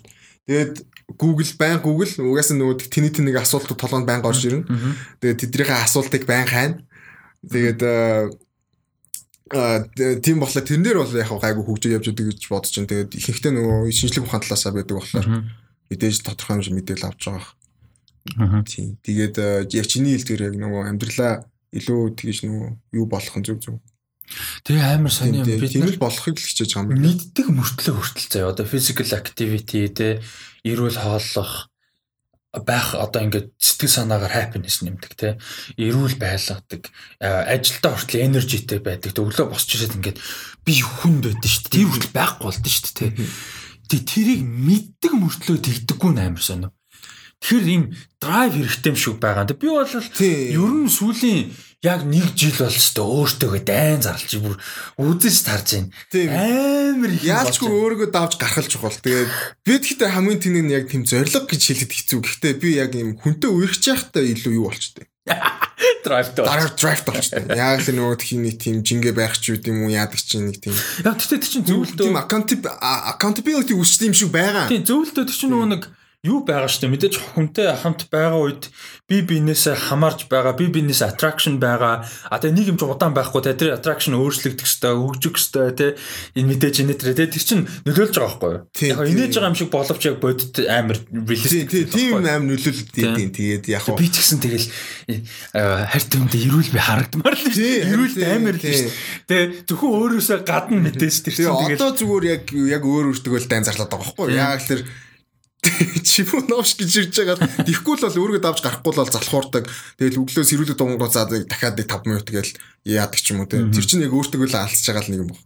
Тэгээд одоохондоо яг уу ялаад байгаа чи малга гэхдээ яг уу тэр зам дээр очоод тэр зам дээр л явж байгаа юу ч гэсэн. За тэгээд энэ нэг асуулт болохоор баг хойлоо баг ярьсан юм шиг байна. Санаандгүй санаандгүй жоохтой баг ярьсан юм хариултын. А бие авч явах талаар ярилцаач ямар хандлагатай байх хэрэгтэй юм шиг санагддаг вэ? Адаглаад тэгдэг бол ингэдэг бол гэсэн жишээтэйгээр ярилцаарай гэж. За баг л ярьсан юм байна да. Тийм би бол яг хөө зүгээр давчхан хариулахад бол хүн өөр өөр ингэсэн бодолтой тэгээ тэр бодлоо үнж тэгээд тийм багасаа л гэж хүсдэг. Юу нь бол Бо- э, нэг юм ба. Миний ирэх бусдынхаар хязгаарлагдана. А бусдын амьдрал сайхан байвал миний амьдрал сайхан гэдэг перспективийг л амар суулгах хэвээр. А тэгээ би ингэж хэлж байгаа гэд би дандаа тэгж чаддаг гэсэн үг биш. Би нервтэй л машин барьж байхдаа буруу шийдвэр гаргах үе байж байгаа тий. Годомчин ч гэсэн санаандгүй ингээд 5 секунд conscious бодоод үзэхэд л би зөв шийдвэр гаргаж чадхаар юмн дээрээ тэхгүй хүлээцгүй ханддаг эсвэл те emotion шийдвэр гаргадаг юм байж л байгаа. Төгс биш. Гэтэ тэрэн дээрээ байнга ажиллах хэвээр. Тэгэл нөгөө би дандаа л ярьдэн шүү дээ. Зөв лифт ингээд бууж ирж байгаа лифтний урд зайтай зогсоос сурчих дээ. Зүгээр Тэгвэл монголчууд тэрнээс л эхлэмээр байна. Зүгээр хамгийн хамгийн ихнэ. харин тийм common senseтэй болчихоо л А гэдэг. тэгээд тэн чинь хүн буугаад хоосон байвал андаж яваач. Аха. А хүн байвал буулгачих. Тэгээ орчих. Тиймэрхүү юмнуудаас одоо чинь ингээд жоохон хүүхдтэй явж байгаа хүртэл жоохон манай байран дээр би ингээд нэг давхарлаг буужчихт жоохон хүүхдтэй хөтөлсөн бүр яг дулаа зогссон. Би хаагур гарах юм бүү мэд. Тэгээ би ингээд завсаан дөрөвнөөс чинь бүр ингээд зүгтгээд ингээд би би мөрснөө тэр хүн намайг мөрснөө гэдэггүй мөрлөлцөөд орж байгаа байхгүй бүр ингээд. Би одоо ингээд тэгээгүй ингээд өөдөөс нь зогссон бол одоо яаж орох юм бэ? Намайг түлхэж оруулаад буцаад дээш гарах юм ааш Тэр чинь ингээд ийм асуудал байгаа даа байхгүй. Тэр чинь ингээд жижиг монголчууд ерөөсөө ингээд жижиг юм тоодоггүй. Өө гүндүүгөө мөндүүгөө яадаг ийдэг тэнгэр хадсан алга дээшээ яадаг ирэх үү. Тэр fucking адуу мал юм а болох хэвээр тэр монголчуудын эрэгтэй хүмүүсийн монгол эрэгтэй хүмүүс шүү дээ хамгийн инсекур арчаагүй бистагүй заяа. Ер нь бол тийм гэдэг юм баталгааг Тэгснэ? тэгснэ тэрийгэ яадаг нөгөө гүндүүгүү яадаг идэг өө цээж дигтэл тэр fucking тэнийг юм болох хэрэгтэй байхгүй. Бид нар жижигхэн юмнаас эхлээд зөв хүндэлж сураад тэ open байд сураад сэтгэл хөдлөлөө нээд сураад ярилцаж сураад тэ тэр нэг балаа юмнуудаа бид нар хайж эхлэх хэрэгтэй байхгүй. Тэгжээж ингэж яахгүй бол эртэн үе юм би тэ ингээд юм тэнийг юмнуудаа болгол хэрэгтэй. Харин тийм. Тэгээд э, сая гинт нэг санд орчлоо. Ярьж байгаа одоо л э, тэр чинь хандлага баха юу юу гэдэг үлээ? Англиар э, do what you preach гэдэг үлээ preach what you биш биш юу? М за тийм ээ тийм тийм тийм Тиймэрхүү утгатай ер нь бол зүгээр өөрөө practice what you preach тийм practice what you preach. Өөрөө ярьж байгаа юм зүгээр өөрөө тэрийг Тийм. гэх юм уу да. Ер нь бол тэгхгүйгээр юу гэдэг чинь нэг гоё юм яриа л байдаг те. Нэг биел юм биел тийм биел юм мундаг. Нэг бол биел юм зөв юм хийдэг. Гэхдээ яс юм дээрээ тэгээ дараа нь харахаар тэрийнхээ эсрэг юм хийгээд байдаг. Одоо жишээ нь hypocrite гэж хэлэхэд бол биш баг. Гэхдээ нэг юм preach хийчээд тэрийг өөрөө биелүүлэхгүй бол тэр ярьж байгаа юм нь ямар үн цэнтэй юм бэ гэдэг нэг асуудал байгаа даа. Тийм болохоор үлгэр дуурайл байчих өөрөө ярьж байгаа бол чи зөв юм ярьж байгаа бол тэрийг өөрөө даахчих өөрөө зөв байчих. Тэгээд тэрийг тэрүүгээрээ хүнд үлгэр дуурайл болчих. Тэгэл болоо. Би зүгээр яг хуу тийм алдаа хүмүүс их хийд юм шиг санагддаг. Яг хуу бас яг чиний хэлдгээр би шин төгс биш хүн болгон төгс биш мэдээж. Гэхдээ чи тэр ярьж байгаа юмдаа итгэжл байгаа бол чи тэр итгэлээ даах ёстой. Чи тэр conviction даах ёстой. Тэгхгүйгээр тэгэл тэрийг байнга ярьчаа тэрийг хийхгүй бол ямар үнцэн байгаа юм бэ? Зүгээр надад тэр л амар асуудал санагдав. Тэгээ сошиал медиагийн одоо тэр би энэ сошиал дилемматай бас холбох гээд байна л та. Сошиал медиагийн асуудал яаж юм нөхөр Монгол бас байгаа юм. Хүмүүсийг ямар ч responsibility-гээр хэлсэн зүйл нь ямар нэг хариуцлага буцаж ирэхгүйгээр хамаагүй за би дахиад хараалж худлаа шааж болгодог болгочихсон. YouTube-ийн доор намайг янз бүрээр дуудах бол наазахны асуудал тий. Тин чи Facebook-ээр хэрүүлэх тэр хятад хүмүүстэй холбоотой LGBT хүмүүстэй racism, sexism нийгмийн асуудалтай тэрэн дээр хүмүүс зүгээр хин юу мэддэггүй ороо харах юм бол. Тэ нэг бол энэ чон Монголын зураг мөрөгтэй гарууд. Тийм л хүмүүс аах.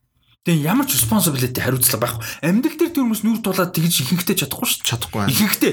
А зарим нь олвол тэгээд шууд зодон болно. Зарим нь. Тэ чи яад ингээ нөгөө нэг хүнтэй аятайхан ярьж чадахгүй шууд тэмдэг орно. Зарим нь чадахчгүй хүүхдээ сууж байгаа. Нэг бол за хүүхд биш юм ахад нэг something нэг сонин баг юм сууж байгаа. Тэгээ нүүрэн дээр нь тулаад хэлэхэр чадахгүй байхгүй. Тэр нийгмийг ингээ өөрчилж одоо бид нэр өмнө тийм биш нийгмийг мэддэг учраас чадахгүй байхгүй гэдэг чинь одоо тэр чинь бүр ингээ байхгүй болно. Бүр анханасаа тэгдэг гэж юм байхгүй ерөөсөй байгаа л энэ. Болж байгаа хгүй сошиал медиа. За юм байна. А хандлагын хувьд бол тэгээд бид нар би бас хэлмээр байна. Болж игэл сошиал медиа утаснаас хол байгаараа. А утаснасаа гэдэг нь утсан дээр юм уншиж байгаа үдшил хамаалаа. Гэтэ зүр хэрэгтэй гэдэг утгаар. Хэрэггүй зүйлээсээ сад би утаснаас гэж нөгөө objective байх тэнэг байхгүй юу? Чи утсан дээр 40 40 юм хийж болж штэ. Юуны төлөө эн чинь ингэж хөгжлөө анханаас. А гэхдээ хэрэггүй зүйлээсээ холтоорой. Тэ хэрэггүй scroll тохоо болчих. Хэрэггүй нэг моделийн зураг дандаа харгаа. Нэг зургийг харж айчих. Тэгээ зүгтээ ингэж аль болох хэрэггүй зүйлээсээ л аа ингээд салаад өөртөө хэрэгтэй зүйлүүд хийгээсээ бусдандаа хэрэгтэй зүйлүүд хийгээсээ тэр нь амьдрал дээр хандлагт нөлөөлөх юу? нийгэм донд хандлах тэр. Тэг чи ч гэсэн одоо найзуудаар байгаа чинь уцаа олдоо болох л хэвээр байхгүй. Тий, тийм асуудал. Тэгэхдээ тэр чинь үү шүү дээ. Чиний тэр асуудал бүр сошиал медиа ийм бүүн болохоос өмнө шүү дээ. Бүр 12 3 хонд заа юу. Instagram гэж Монголд мэддгүү байхад даадгүй Instagram ч юм байсан. Бүр ингээд те ингээд ийм утас гэдэг юм ийм ийм хэмжээнд биш байхад даадгүй утсан дээрээ байж идэг байсан юм баггүй. Тэр тий тэрийг бол одоо ер нь болол хэрэгтэй. Болно гэдэг нь гэхдээ зүгээр ингээ уцаа хаяг Тийм ээ, тийм тийм. За дараагийнх нь подкаст 97-ын дугаарыг 97 дугаарыг бүгдийг сонссон үний хувьд нийт амьдралынхаа хэдэн цагийг цагийг Rusty сонсож өнгөрөөснөө мэдмээр. Бүх дугааруудын цагуудын нэм нэмсэн тийм дата байдаг бол гинэ. Юунд доода дампуурсан хом медиа нэр юу болсон бэ? Хом медиа дээр нөгөө датагаа өгнө гэж тэгж хахад амар их юу хийсэн штэ. Цуглуулга би хийсэн баггүй юу? Контентүүдийн. Тэгэхэд цагийг харьцсан гэх юм марччих. Тэгээ би юу яа? Дараагийн подкаст гэхэд би юу яа? Зүгээр нэг rough estimate гаргая. Нэр айгүй сонирхолтой санагдчих. Хүмүүс эдэн цагийн амьд хайрын цагаа миний хоолой, чиний хоолойг сонсож өнгөрсөн. Хайрын үнэтэй цаг. А тэгээд дараагийн 2 3 Асан тэр нэг шүнсээ их татаад сороотын гэдэг ас- э, гомдол ирсэн байсан. Sorry. Би яг одоо амар анзаарч байна өнөөдрийн дугаар дээр. Яалч юу тэгээд байгаа юм. А дараагийн дугаараас яг гой анзааръя. А тэрийг яна би яг тэгээд байна. А Instagram дээр асуулт. F1 сонирхдаг гэсэн тэр талаараа жоох ярьж. Үгүй ээ. Тийм амар биш ээ. Би сонирхдаг гэж тэгж итгэлтэй бардам хэлж чадхаар сайн мэдгүй зүгээр а намайг тинейжер бахад манай ах ахын найзууд агүй хүздэг байсан. Тэгээ тэр үед Шумахер ер нь болж исэн хайм Алонсо амар мундаг яг жинхэнэ дэлхийн аварга авч исэн үеийн тэгээд Льюис Хамилтон 2008 онд тэгж яг тэр нь арай жоохон сүлд яг анхны аварга авч исэн тэр үед ер нь бол хүмүүс айгу ахын найз мэдээд айгу сонирхдаг өстэй би дагаж их сонирхдаг байсан. А тэгээд сүүлийн нэг жил ер нь би жоохон сонирхлоо нэмж байгаа ер нь бол жоохон уншиж судлаад юу нь яадгийн инээ тэрэг. Тэс би тийм амар бардам хийж болж чадахгүй зүгээр л ерөнхийд нь яг нэг хідэн хүмүүсийг э, нэрлэх юм бол мэднэ. Аа наа чин гайгүй юм штэ тэргээд түүнээс биш бол тийм амар оо деталь металл дөрөм мөрөм юмтай сайн мэдгүй худлаа. Ер нь тийм уралдааны юмнууд нэг сайн мэддэггүй шүү дээ. Тоглолч мэднэ. За болцоонд үзэж байсан хамгийн гоё кино гинэ. La La Land obviously. Тэр тийм үү? За болзоо гэж хэлэх хэцүү л дээ. Миний хувьд бол болцоонд үзсэн кино гэж байхгүй шүү дээ. Одоо шин it happened to be a date кино байгаа. Гэтэ би хизээч тэг өө нэг болцонгоо кино үзчихийгээд өө юу байна гэж үзэхгүй байхгүй хизээч. Аа. Киног нь кинон зориод каплтайгаа ч юм уу эсвэл уулзж байгаа юм. Яг Тэгээд тийм бол чи яг кино байхгүй юм байна. тэг тэгэхээр надад байхгүй болчих. А тэгтээ зүгээр happen to be a date хамт хүнтэйгээ тэг капл ч юм уу уулзж байгаа хүнтэй явж исэн. Тэгээд кинон гэх юм бол яалч уулаа. Гэтэ би биш тэ тэрэн дээр хажууд явж надад ямар ч хамаа байгаагүй байхгүй. Би муугар хэлгээд. Ер нь бол тийм. Тэр тэгээ угаасаа нэг дээт ч хэд хэцүү үгүй ч хэцүү юм байсан надад ямар ч хамаагүй. Тэгэхээр тэрийг тооцоод хэцүү болчихгүй. Аа. Яг болцоонд үзээд яг амар гоё байсан гэх юм бол Яг болцоонд үзээд гоё чи ийм юм амар гоё байсан. Сая бол жишээ нь. Сая тэнэт амар гоё байсан заяа. Жишээ нь. Тэгээ бит хоёрын дээт өдрөд байж таарж байгаа шүү дээ. Ингээл хамт яваал ингэж. А тэгээд яг уу ийм утгаар нь байж болох юм. Би IMAX руу ингээд Rise of Skywalker-оос IMAX кино үзээгүй IMAX тахимд амар гоё. Тэгээ мэдээж 10 16 талаар суун. А тэгээ бид тэр одоо яг бас ингээд кино үзэх боломж бага байсан учраас одоо ингээд үзэж байгаа нь бас гоё. А тэгээ үзэх experience мэдээж нолны review тэнд кино review тусдаа Rusty Meter орсон байгаа үзээрэй. Тэгээ тийм байсан учраас юм байсан. Тэгээ дээрэс нь манай бид нар хамт үзсэн. Манад амар таалагдсан. Бүр ингээд амар happy байсан. Тэгээ тэр надад айгүй гоё байсан бохгүй. Надад ямар санагдсанаас ямар ч хамааралгүй зүгээр манай хүн төрж байгаа сэтгэл тэгээ сэтгэл хөдлөл юм бүр амар хөөрхөн байсан. Амар хариулсан. Тэгээд тэр айгүй гоё байсан. Тэгэхээр тэрийг гэж би нэрлж болж байна. Тэгж бодонго надад юу ч орж ирэхгүй л байна л да. Аа гоё кино. Хамгийн recent э, шууд санаанд орж байна. Ялч үү тэгээд санаанд орж байна. Зүгээр кинон гоё гэдэг чир чинь the happen to be a date ч юм уу happen to be with someone гэхээр Яг байхгүй. илүү учир утгатай тиймэрхүү дейт бол байгаагүй л юм байна л да. Тэгэхээр яг аа зүгээр нэг хүнтэй яг анх удаа танилцаад хамт кино үзэх. Гэхдээ яг дейт хийж хэлэх хэцүү. Гэтэ яг хоо зүгээр аа, Black Panther бол нэг хүнтэй үзэж шүү дээ. мм That was nice. nice. За за за за за. Энэ үргээд өнөөдрийн дугаар маань өндөрлж нэлээ нийгмийн сэдв бас personal сэдв ярихыг зорьсон. Тэгээд зорьсонтой хүрсэн гэж найдаж байна.